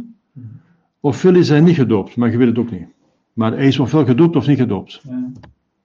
Je weet dat je door het doopsel, onder voorwaarden, hem gaat, dat, dat je dan de zekerheid krijgt dat hij gedoopt is. In het geval dat hij gedoopt is, krijgt hij geen doopsel, want je zegt, indien je niet gedoopt bent, doop ik u. Indien hij niet gedoopt is, krijgt hij doopsel en is hij dus. Je weet zeker dat hij dus na uw ceremonie gedoopt is. Ja. En iemand die gedoopt is, die moet niet, niet biechten, die gedoopt is. Hè? Die moet niet biechten. Want eh, die, die, die heeft, al die zonden zijn weg Ja. door het doopsel. Momentje. Het, het, het, het, het- het probleem doet zich voor. Stel je voor dat hij niet gedoopt was. En dat hij door uw doopsel gedoopt wordt. Maar je weet het niet, want je hebt een twijfel. Maar stel je voor dat hij, zonder dat je het weet, dus niet gedoopt is. Eén ding weet je, door mijn doopsel gaat hij gedoopt worden. Huh? Wel, eh, bijvoorbeeld, wel, dus dan, dan, moet, er- dan moet die gewicht worden. Hè? Dus als hij niet gedoopt is, als hij niet gedoopt is, en jij doopt hem, dan moet je hem niet bichten, want je moet alleen maar bichten als iemand, niet gedoopt, als er iemand gedoopt is. En na de doopsel moet je hem niet bichten, want hij al zon zijn weg. Het geval doet zich voor als hij wel gedoopt is, geldig. Ja. En je weet het niet. Ja. Hij is wel gedoopt. Eh, en ehm, dan is best dat je hem bicht. Ehm, stel je voor dat hij wel gedoopt is en ehm, jij doopt hem dan onder voorwaarden, dan gebeurt er niks. Maar, dan moet je, maar hij, moet, heeft, wel gezondigd, hij heeft wel zonde gedaan, bijvoorbeeld misschien doodzonde gedaan of zo. Dus hij moet wel bichten. Hè? Hoe gaat dat dan oplossen? Want je weet het niet of dat hij geldig of ongeldig gedoopt is. Wat dat je gaat doen, is dat je voor het doopsel de biecht gaat horen. En hij gaat al de zonden zeggen die hij bedreven heeft vanaf zijn twijfelachtig doop, enfin, vanaf, vanaf zijn twijfelachtig doopsel. Of vanaf de, vanaf de laatste geldige biecht. Nee. Ja, schijnbaar geldige biecht die hij gesproken heeft eh, eh, na zijn doop natuurlijk. Want hij heeft al gebiecht, want hij dacht dat hij gedoopt was. Stel voor dat hij al gebiecht heeft. Hè? Want hij dacht dat hij geldig gedoopt was. Wel, dan moet hij, dan moet hij biecht, dan moet jij biecht horen vanaf de laatste geldige, eh, enfin, geldige biecht. En dan moet jij een absolutie geven om de voorwaarden. En de voorwaarde is, indien je gedoopt bent, dan ontsla ik u van je zonde. Dus indien dat niet gedoopt is, niet. Want dan kan ik het niet. Want je kunt geen, eh, geen absolutie ontvangen van de biecht als je niet gedoopt bent. Ziet je? Daarmee wordt alles opgelost. Dus, eh, als hij, dus je hebt twee mogelijkheden. Is hij geldig gedoopt, dan is die laatste biecht ook geldig geweest. Tenminste, als dat gebeurt zoals het moet. En dan moet hij biechten vanaf de laatste biechten, en dat is gewoon eh, een biecht. En dan krijgt hij vergiffenis van zijn zonde. En dan is dat wel eh, niet werkzaam, dat je gaat toedienen onder voorwaarden. Maar dan is hij in ieder geval in staat van genade en kan hij bijvoorbeeld een ander sacrament ontvangen dat hij nodig heeft, bijvoorbeeld het vormsel. Ja? En dan weet hij dat hij terug moet teruggaan tot aan dat uh, doopsel onder voorwaarden of die biecht die toegesproken is geweest. Stel je voor dat hij niet, gel niet geldig gedoopt was. Hè? Dan is zo, zijn andere biechten ook ongeldig geweest. Wel, die biecht die hij spreekt is dan ook ongeldig. Ja. Dus die absolutie is dan ook ongeldig. Want je zegt, indien je gedoopt zijt, ontslaak je van de zonde. Dus die biecht is dan dus eigenlijk niet nodig, maar je weet het niet. Maar je neemt het zeker voor het onzekere. Dus dan die, be- die biecht die is, die is dan ongeldig, maar die is wel geoorloofd. hè. Maar in beide gevallen heeft hij geen doodzonde meer eh, na het, het eh, doopsel. Onder voorwaarden. Want indien hij geldig gedoopt is geweest, heeft hij geen doodzonde meer door die geldige biecht dan, die onder voorwaarden heeft in de geld gedoopt is. Als hij eh, niet gedoopt is, heeft hij vergiffenis van de zonde gekregen, niet door die biecht, die niet geldt, maar door het doopsel, dat onder voorwaarden toegediend. Dus in alle gevallen heeft hij dan geen doodzonde meer. En kan hij dus het vormsel ontvangen. Zo wordt het opgelost. Ik hoop dat het niet te ingewikkeld is voor jullie, maar ik heb het al verschillende keren moeten doen, zo, op die manier. Hè. Dus het is wel een denkoefening. Je moet werkelijk een beetje zitten puzzelen, want je moet met twee reken, de gevallen rekening houden. Maar strikt genomen is het niet noodzakelijk bij een doopsel onder voorwaarden om vooraf te biechten. Het is Ja, maar, ja, maar, als je dus, het is niet, het is niet eh, wat gebeurt er als je niet bicht onder voorwaarden? Ja, en wel de twee, de twee mogelijkheden. Als je niet gedoopt bent, is geen probleem. Want dan was die biecht toch niet nodig. En je zit al je zonde kwijt door het doopsel. Maar als je, als je niet, eh, maar als je geldig gedoopt bent geweest, hè, eh, dan telt dat tweede doopsel niet. En je zegt van een dood, doodzonde niet af die je bedreven hebt na je, na je laatste biecht of na je, laatste, na je doopsel. En hoe raak je daar vanaf als je moet gevormd worden de volgende dag? Ah ja, in dat geval wel. Want, Ah ja. ja, ja, dat- Meestal doen ze dat omdat ze dus, eh, dat zijn mensen die zich bekeren en dat zijn volwassenen en die moeten ook zo vlug mogelijk gevormd worden. En die moet, ah, ja, ja, ja, ja, ja. Op, er is nog iets. Een volwassene moet na het doopsel zo vlug mogelijk de communie ontvangen. Nee, Hoe kun je iemand de mis laten bijwonen van zondag? Bijvoorbeeld die mensen hebben de zondag, die moeten bijvoorbeeld binnen de week de zondagsmis bij mij maken. Of die moeten, het, de, normaal moet je na het doopsel de communie ontvangen. Dus hoe kan iemand dan de communie ontvangen als hij nog met een doodzonde zit? Dus je moet wel biechten voor het doopsel. Want anders kan je de hosting niet ontvangen als je doodzonde gedaan kan ook heeft. net erna. zeggen. Kan ook net erna, wil ik maar zeggen. Ja, het kan ook dit erna, maar dat is... dat is, eh, Ja. dat, dat maakt het... Maar na, na het doopsel zouden mensen graag wel willen vieren, hè. Eh, En dan nog een, een, een biecht gaan horen en... Eh, ze, willen, ze moeten dan, die Peter de Meter moeten dan zich inschrijven in het register. De mensen willen een klein beetje, dan, een beetje samen, eh, een fles. Ze willen iets op een feest vieren. En daarna, echt kom, we gaan nog even, we gaan nog biechten. Ja, dat is een beetje, eh, Ik, ik vind het een beetje raar dat er twee dingen onder voorwaarden gebeuren. Zowel de absolutie het, is als absoluut, de het is absoluut noodzakelijk. Ja. Maar Omdat, dat- omgekeerd zou het enkel het doopsel zijn onder voorwaarden en de biecht zou dan met zekerheid met absolutie zonder voorwaarden. Die mens die moet van zijn doodzonde af, want die moet in ieder geval de communie krijgen na het doopsel. Ja, ja, Onder voorwaarden. ja, ja. Ja, ja, oké. En biechten na het doopsel heeft geen zin. Nee, maar ik ben niet zeker als het eh, dan. Want na het doopsel heb je, dus heb je geen zonde te zeggen. Bent- er Dat moet er onder voorwaarden gebeuren, maar dat, dat kan even, ja goed, je zou eventueel kunnen biechten na het doopsel. Maar dat, dat past, ik vind dat minder passend is. Dat breekt de sfeer meer, denk ik. Het is veel mooier dat je dus na het doopsel is alles in orde, op, alles is opgeklaard. Dat is een mooie ceremonie, veel mooier en langer dan de biecht. De biecht is natuurlijk eh, heel belangrijk, want dat loopt doodzonde weg, maar het is niet een, dat is niet een mooie ceremonie. Dat, is, dat, is, dat, is, iets dat in het geheim gebeurt en zo vlug. Op, op, op vijf minuten kunnen biechten, op tien minuten, maar een doopsel duurt zo'n half uur.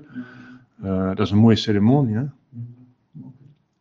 Ik, ik vind dat, allee, inderdaad, je zou eventueel mogen biechten, ook vlak na je doopsel. Ja. ja. Onder voorwaarden. Nou, dat kan ook, ja. Maar is, nu, niet- is dat nu belangrijk of wat het voor dan niet gebeurt? Oh, nee, ja, ik zou dat altijd zo zodat er ook biecht dan eh, onder voorwaarden is en het doopsel onder voorwaarden is. Ja, want dan doe je schennis. Ja. Als jij niet onder voorwaarden doet, dan riskeert je schennis te doen. Want de doopsel mag maar één keer gegeven worden. En je riskeert van twee keren te doen. En als je de biecht onder voorwaarden doet, dan riskeert je iemand te biechten die niet gedoopt is. Dat is ook een. Mhm. Dus in beide, als je het niet doet, riskeert je een heiligschennis. Dan riskeert je een doodzonde. Ja, ja, ja. Dus je, moet niet raar vinden dat we een doodzonde proberen te vermijden. Hè? Nee, maar als, als je het net erna doet, dan vermijd je dat de biecht onder voorwaarden, die absolutie onder voorwaarden moet gebeuren. Dus dat zeggen. Ah, dat bedoelt je. Nee, dat is niet waar. Want welke zonde gaat hij beleiden? Uit het verleden. Ah, en die bestaan niet voor iemand die eh, niet gedoopt was. Maar die zijn door het doopsel weggenomen. Heeft hij ongeldige materie? Ah ja, Ah ja. Ah ja, die heeft ongeldige materie. Mhm. Want die gaat dan doodzonde zeggen, die zal vergeven zijn door doopsel. Als hij dus niet gedoopt was, en dan gedoopt door het- het doopsel voorwaarden, en deze ongeldige, dan je, geen, je hebt geen materie meer om, om een absolutie te geven. De materie van de absolutie is een zonde. En hij heeft niet gezondigd, want hij heeft juist ge- gedoopt. Hij is juist gedoopt. Je moet er niet verlangen dat hij na zijn doopsel nog vlug een zonde doet om te kunnen biechten. Nee, nee. Biechten na doopsel is onmogelijk. Of, eh, of je moet gaan zeggen, ja, indien, eh, ja, dan wordt het dan ingewikkeld. Dan moet al zeggen, eh, want dan kun je niet meer zeggen, indien je niet gedoopt bent, geef ik u de absolutie. Want hij is dan in ieder geval al gedoopt. Door het eerste of het tweede, dat maakt het ingewikkelder. Biechten na, na het doopsel. Ah, dat maakt het ingewikkelder. Dan maakt het veel, dan maakt het nog moeilijker. Dan moet je zeggen, indien, dit, eh, indien ik de absolutie kan geven op een, geld, op een geldige wijze, dan, dan geef ik dat. Ja, dat is een beetje, dat kan ook, maar is een beetje raar, hè. Ik vind het goed dat dus al die zonden voor het doopsel, die zijn weg met het doopsel, voilà, afgedaan. Wat er ook gebeurd is. Maar hoe kan nu iemand van wie de ouders het kind niet hebben willen dopen, uit principe bijvoorbeeld, hoe kan dat kind dan van zijn doodzonden afga- Excuseer, afgeraken? kun je met de vraag herhalen? Eh, ah, wel, als nu ouders eh, hun kind niet willen dopen, Niet willen hè, dopen, ja. Ja, hè, Ja. hoe kan dat kind dan van doodzonden afgeraken? Eh, de- heb je het over een, een pasgeboren kind? Eh, Nee, nee, over een volwassen mens eigenlijk. Ja, maar Die dan, dan, als dan, heeft dan niet- moet je aan zijn ouders niet meer gehoorzamen, hè? Ja, ja. Volwassen mensen. ja, ja. Die kan dan zelf... Een, een kind dat niet volwassen is, dat is een, een probleem, ja. Ja, Bijvoorbeeld een baby geraakt niet van zijn eh ja, eh erfzonden af, als ze, als ze hem niet willen dopen, hè? ja. Als dat kind dan bijvoorbeeld jaren van verstand heeft, kan hij al zonde doen, zelfs doodzonde. Eh, kan, kan. Dagelijkse zonde of doodzonde. Ja, hoe raak ik het van die, eh, van die, van die zonden af? Eh, door, door, door, ja. Ah, die, die, die mensen willen niet dat dat kind gedoopt wordt. Ja, het principe, ja. Bijvoorbeeld. Ah, Wel, dat kind, dat kan dan, dus, dat kan gedoopt worden in het geheim, Ah, maar dat houdt gevaren in. Bijvoorbeeld als je dat met islamieten doet en dan komen dat te weten, dan heb je een fatwa. Dat staat de doodstraf op volgens de islamitische wet. Dus eh, ik, ken, ik ken gevallen die dat gedaan hebben. Hè. Er, is, er zijn mensen die dat gedaan hebben. Is een geval van een koppel eh, in Borgerhout. Of ja, een man. Dat was een Marokkaan, denk ik. En die werd geholpen door een sociaal assistent, een Vlamingen. En dat was een vrome vrouw die ik ken. En die heeft hem zo goed geholpen dat hij uit een huwelijk vroeg. En zei: Nee, maar ik ben katholiek en zijn musulman, dat gaat niet. Ga maar naar uw land en zie dat je iemand vindt van uw stam en van uw geloof. Heeft dat gedaan, is teruggekomen, is getrouwd en hij was zo content dat hij met die vrouw getrouwd was van zijn geloof, dat hij vroeg aan die sociale assistenten: eh, Vraag wat dat je wilt en ik zal het u geven. En zij zei: Ik vraag u dat uw eerste kind dat je krijgt gedoopt wordt. Je zegt dat krijg je. En dat kind is dus eh, verwekt en gekomen.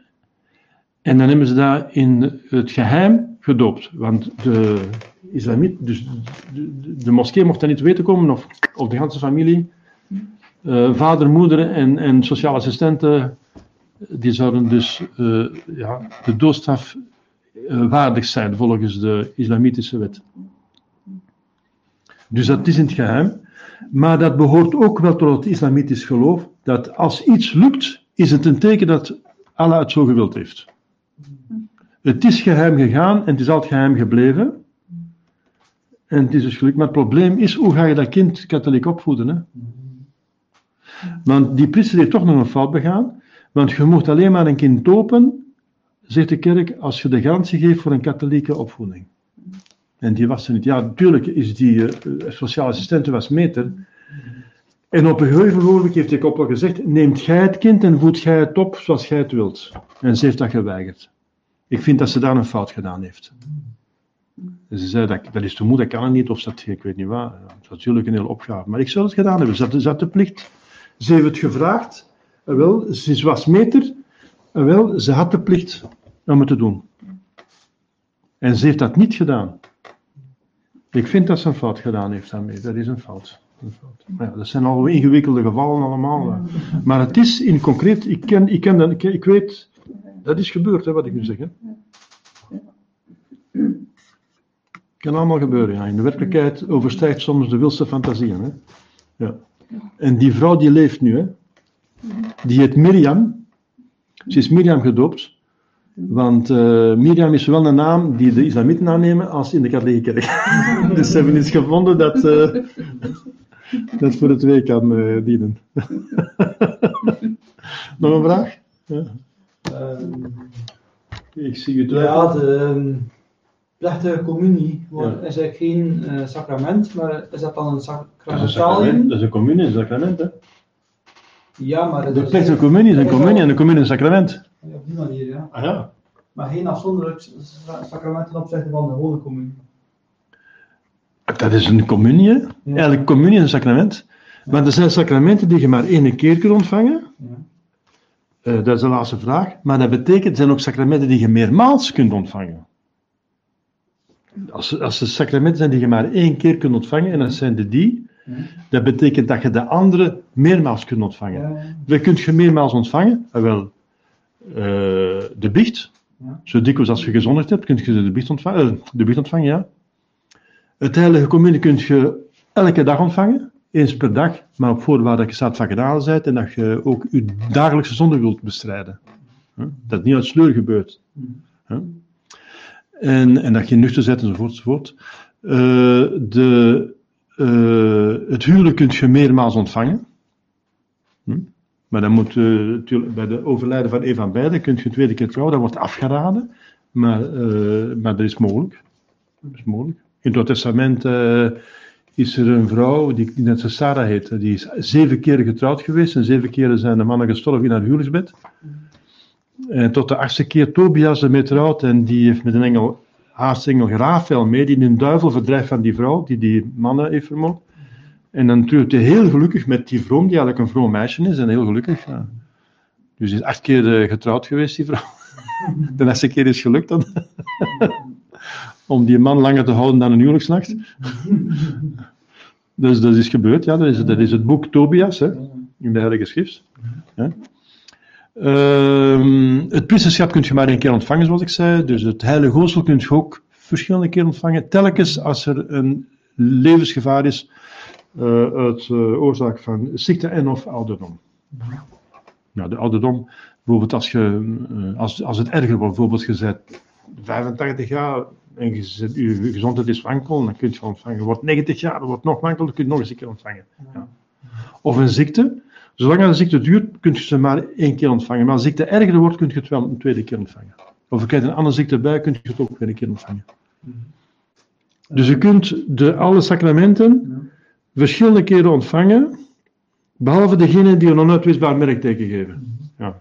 Nou, u zei dat de plechtige communie enkel wordt toegepast, of ja, wordt eh, gedaan bij eh, mensen die als kind gedoopt zijn. De plechtige communie. ja. Ah ja. Ja. De plechtige communie is eigenlijk een communie, plechtig, waarin dat je dus plechtig, dat wil zeggen openlijk voor de ganse parochie, de communie gaat. Je bent voor, voordien al de communie gegaan, maar je was zes jaar. Het was wel voldoende om communie te gaan, want voldoende is dat je het verschil weet tussen gewoon brood en de geconsecreerde hostie, God. En, en dat je de fundamentele geloofswaarheden kent. Maar je wordt nog niet helemaal bewust van waar, waar het eigenlijk over gaat. Dus eh, daarom heb je een cyclus nodig van een serieuze cursus. En dan zeggen ze, als je die cyclus hebt doorgaan, door, doorlopen, dan je weet wat het over gaat. Wel, dan op een gegeven moment kiest je voor het geloof. Want tot hiertoe heb je het geloof aanvaard uit gehoorzaamheid aan je ouders. Hè? En aan de kerk. Maar je moet er ook zelf van overtuigd zijn. Hè? En die overtuiging, die drukt je uit door je plechtige communie. Met de, met de geloofsbelijdenis die je aflegt. En vaak gaat dat dan gepaard met het vormsel. Maar daar wil ik nog iets over zeggen over het vormsel, misschien is het, het is nu al, we zijn bijna twee uur bezig nu. Hè. Ehm, het vormsel wordt eigenlijk normaal gezien in de kerk toegediend eh, vanaf 6, 7 jaar, hè, dus vanaf de jaren van verstand. Het is pas in de 20e eeuw, eh einde 19e en 20e eeuw, dat het wordt toegediend op 12 jaar. Dat is eigenlijk een, ja, dat is nu zo gegroeid, maar Mons Lefebvre, de traditie, willen terugschroeven naar de eeuwenoude praktijk van de kerk, van het zo vlug mogelijk toe te dienen, want het geeft wasdom en sterkte. En die kinderen, die hebben, die hebben het zwaar tegenwoordig. Die, eh, de kind heeft het zwaar in deze wereld om zijn geloof te bewaren. Eh, ze wel thuis, als ze katholieke ouders hebben, is goed, maar waar de school, de omgeving, de, de, de vriendjes, de wereld, eh, dus ze hebben toch wel alle kracht nodig. Hè? Dus wel goed dat ze dus zo vlug mogelijk, samen met, dus, de normaal is het een, drie sacramenten die ze krijgen bij de jaren van verstand. Het eerste sacrament, het eerste sacrament dat is het, eh, de biecht, de communie en dan het vormsel. Zo zou het eigenlijk moeten zijn. En dan de plichtige communie komt dan op 12, als je dus echt de volledige cyclus van de godsdienst goed eh, gehad hebt, en je weet goed waar het over gaat, en je bent een volwassen kind, hè, 12 jaar noemen ze een volwassen kind. Dus als jij kind tot 12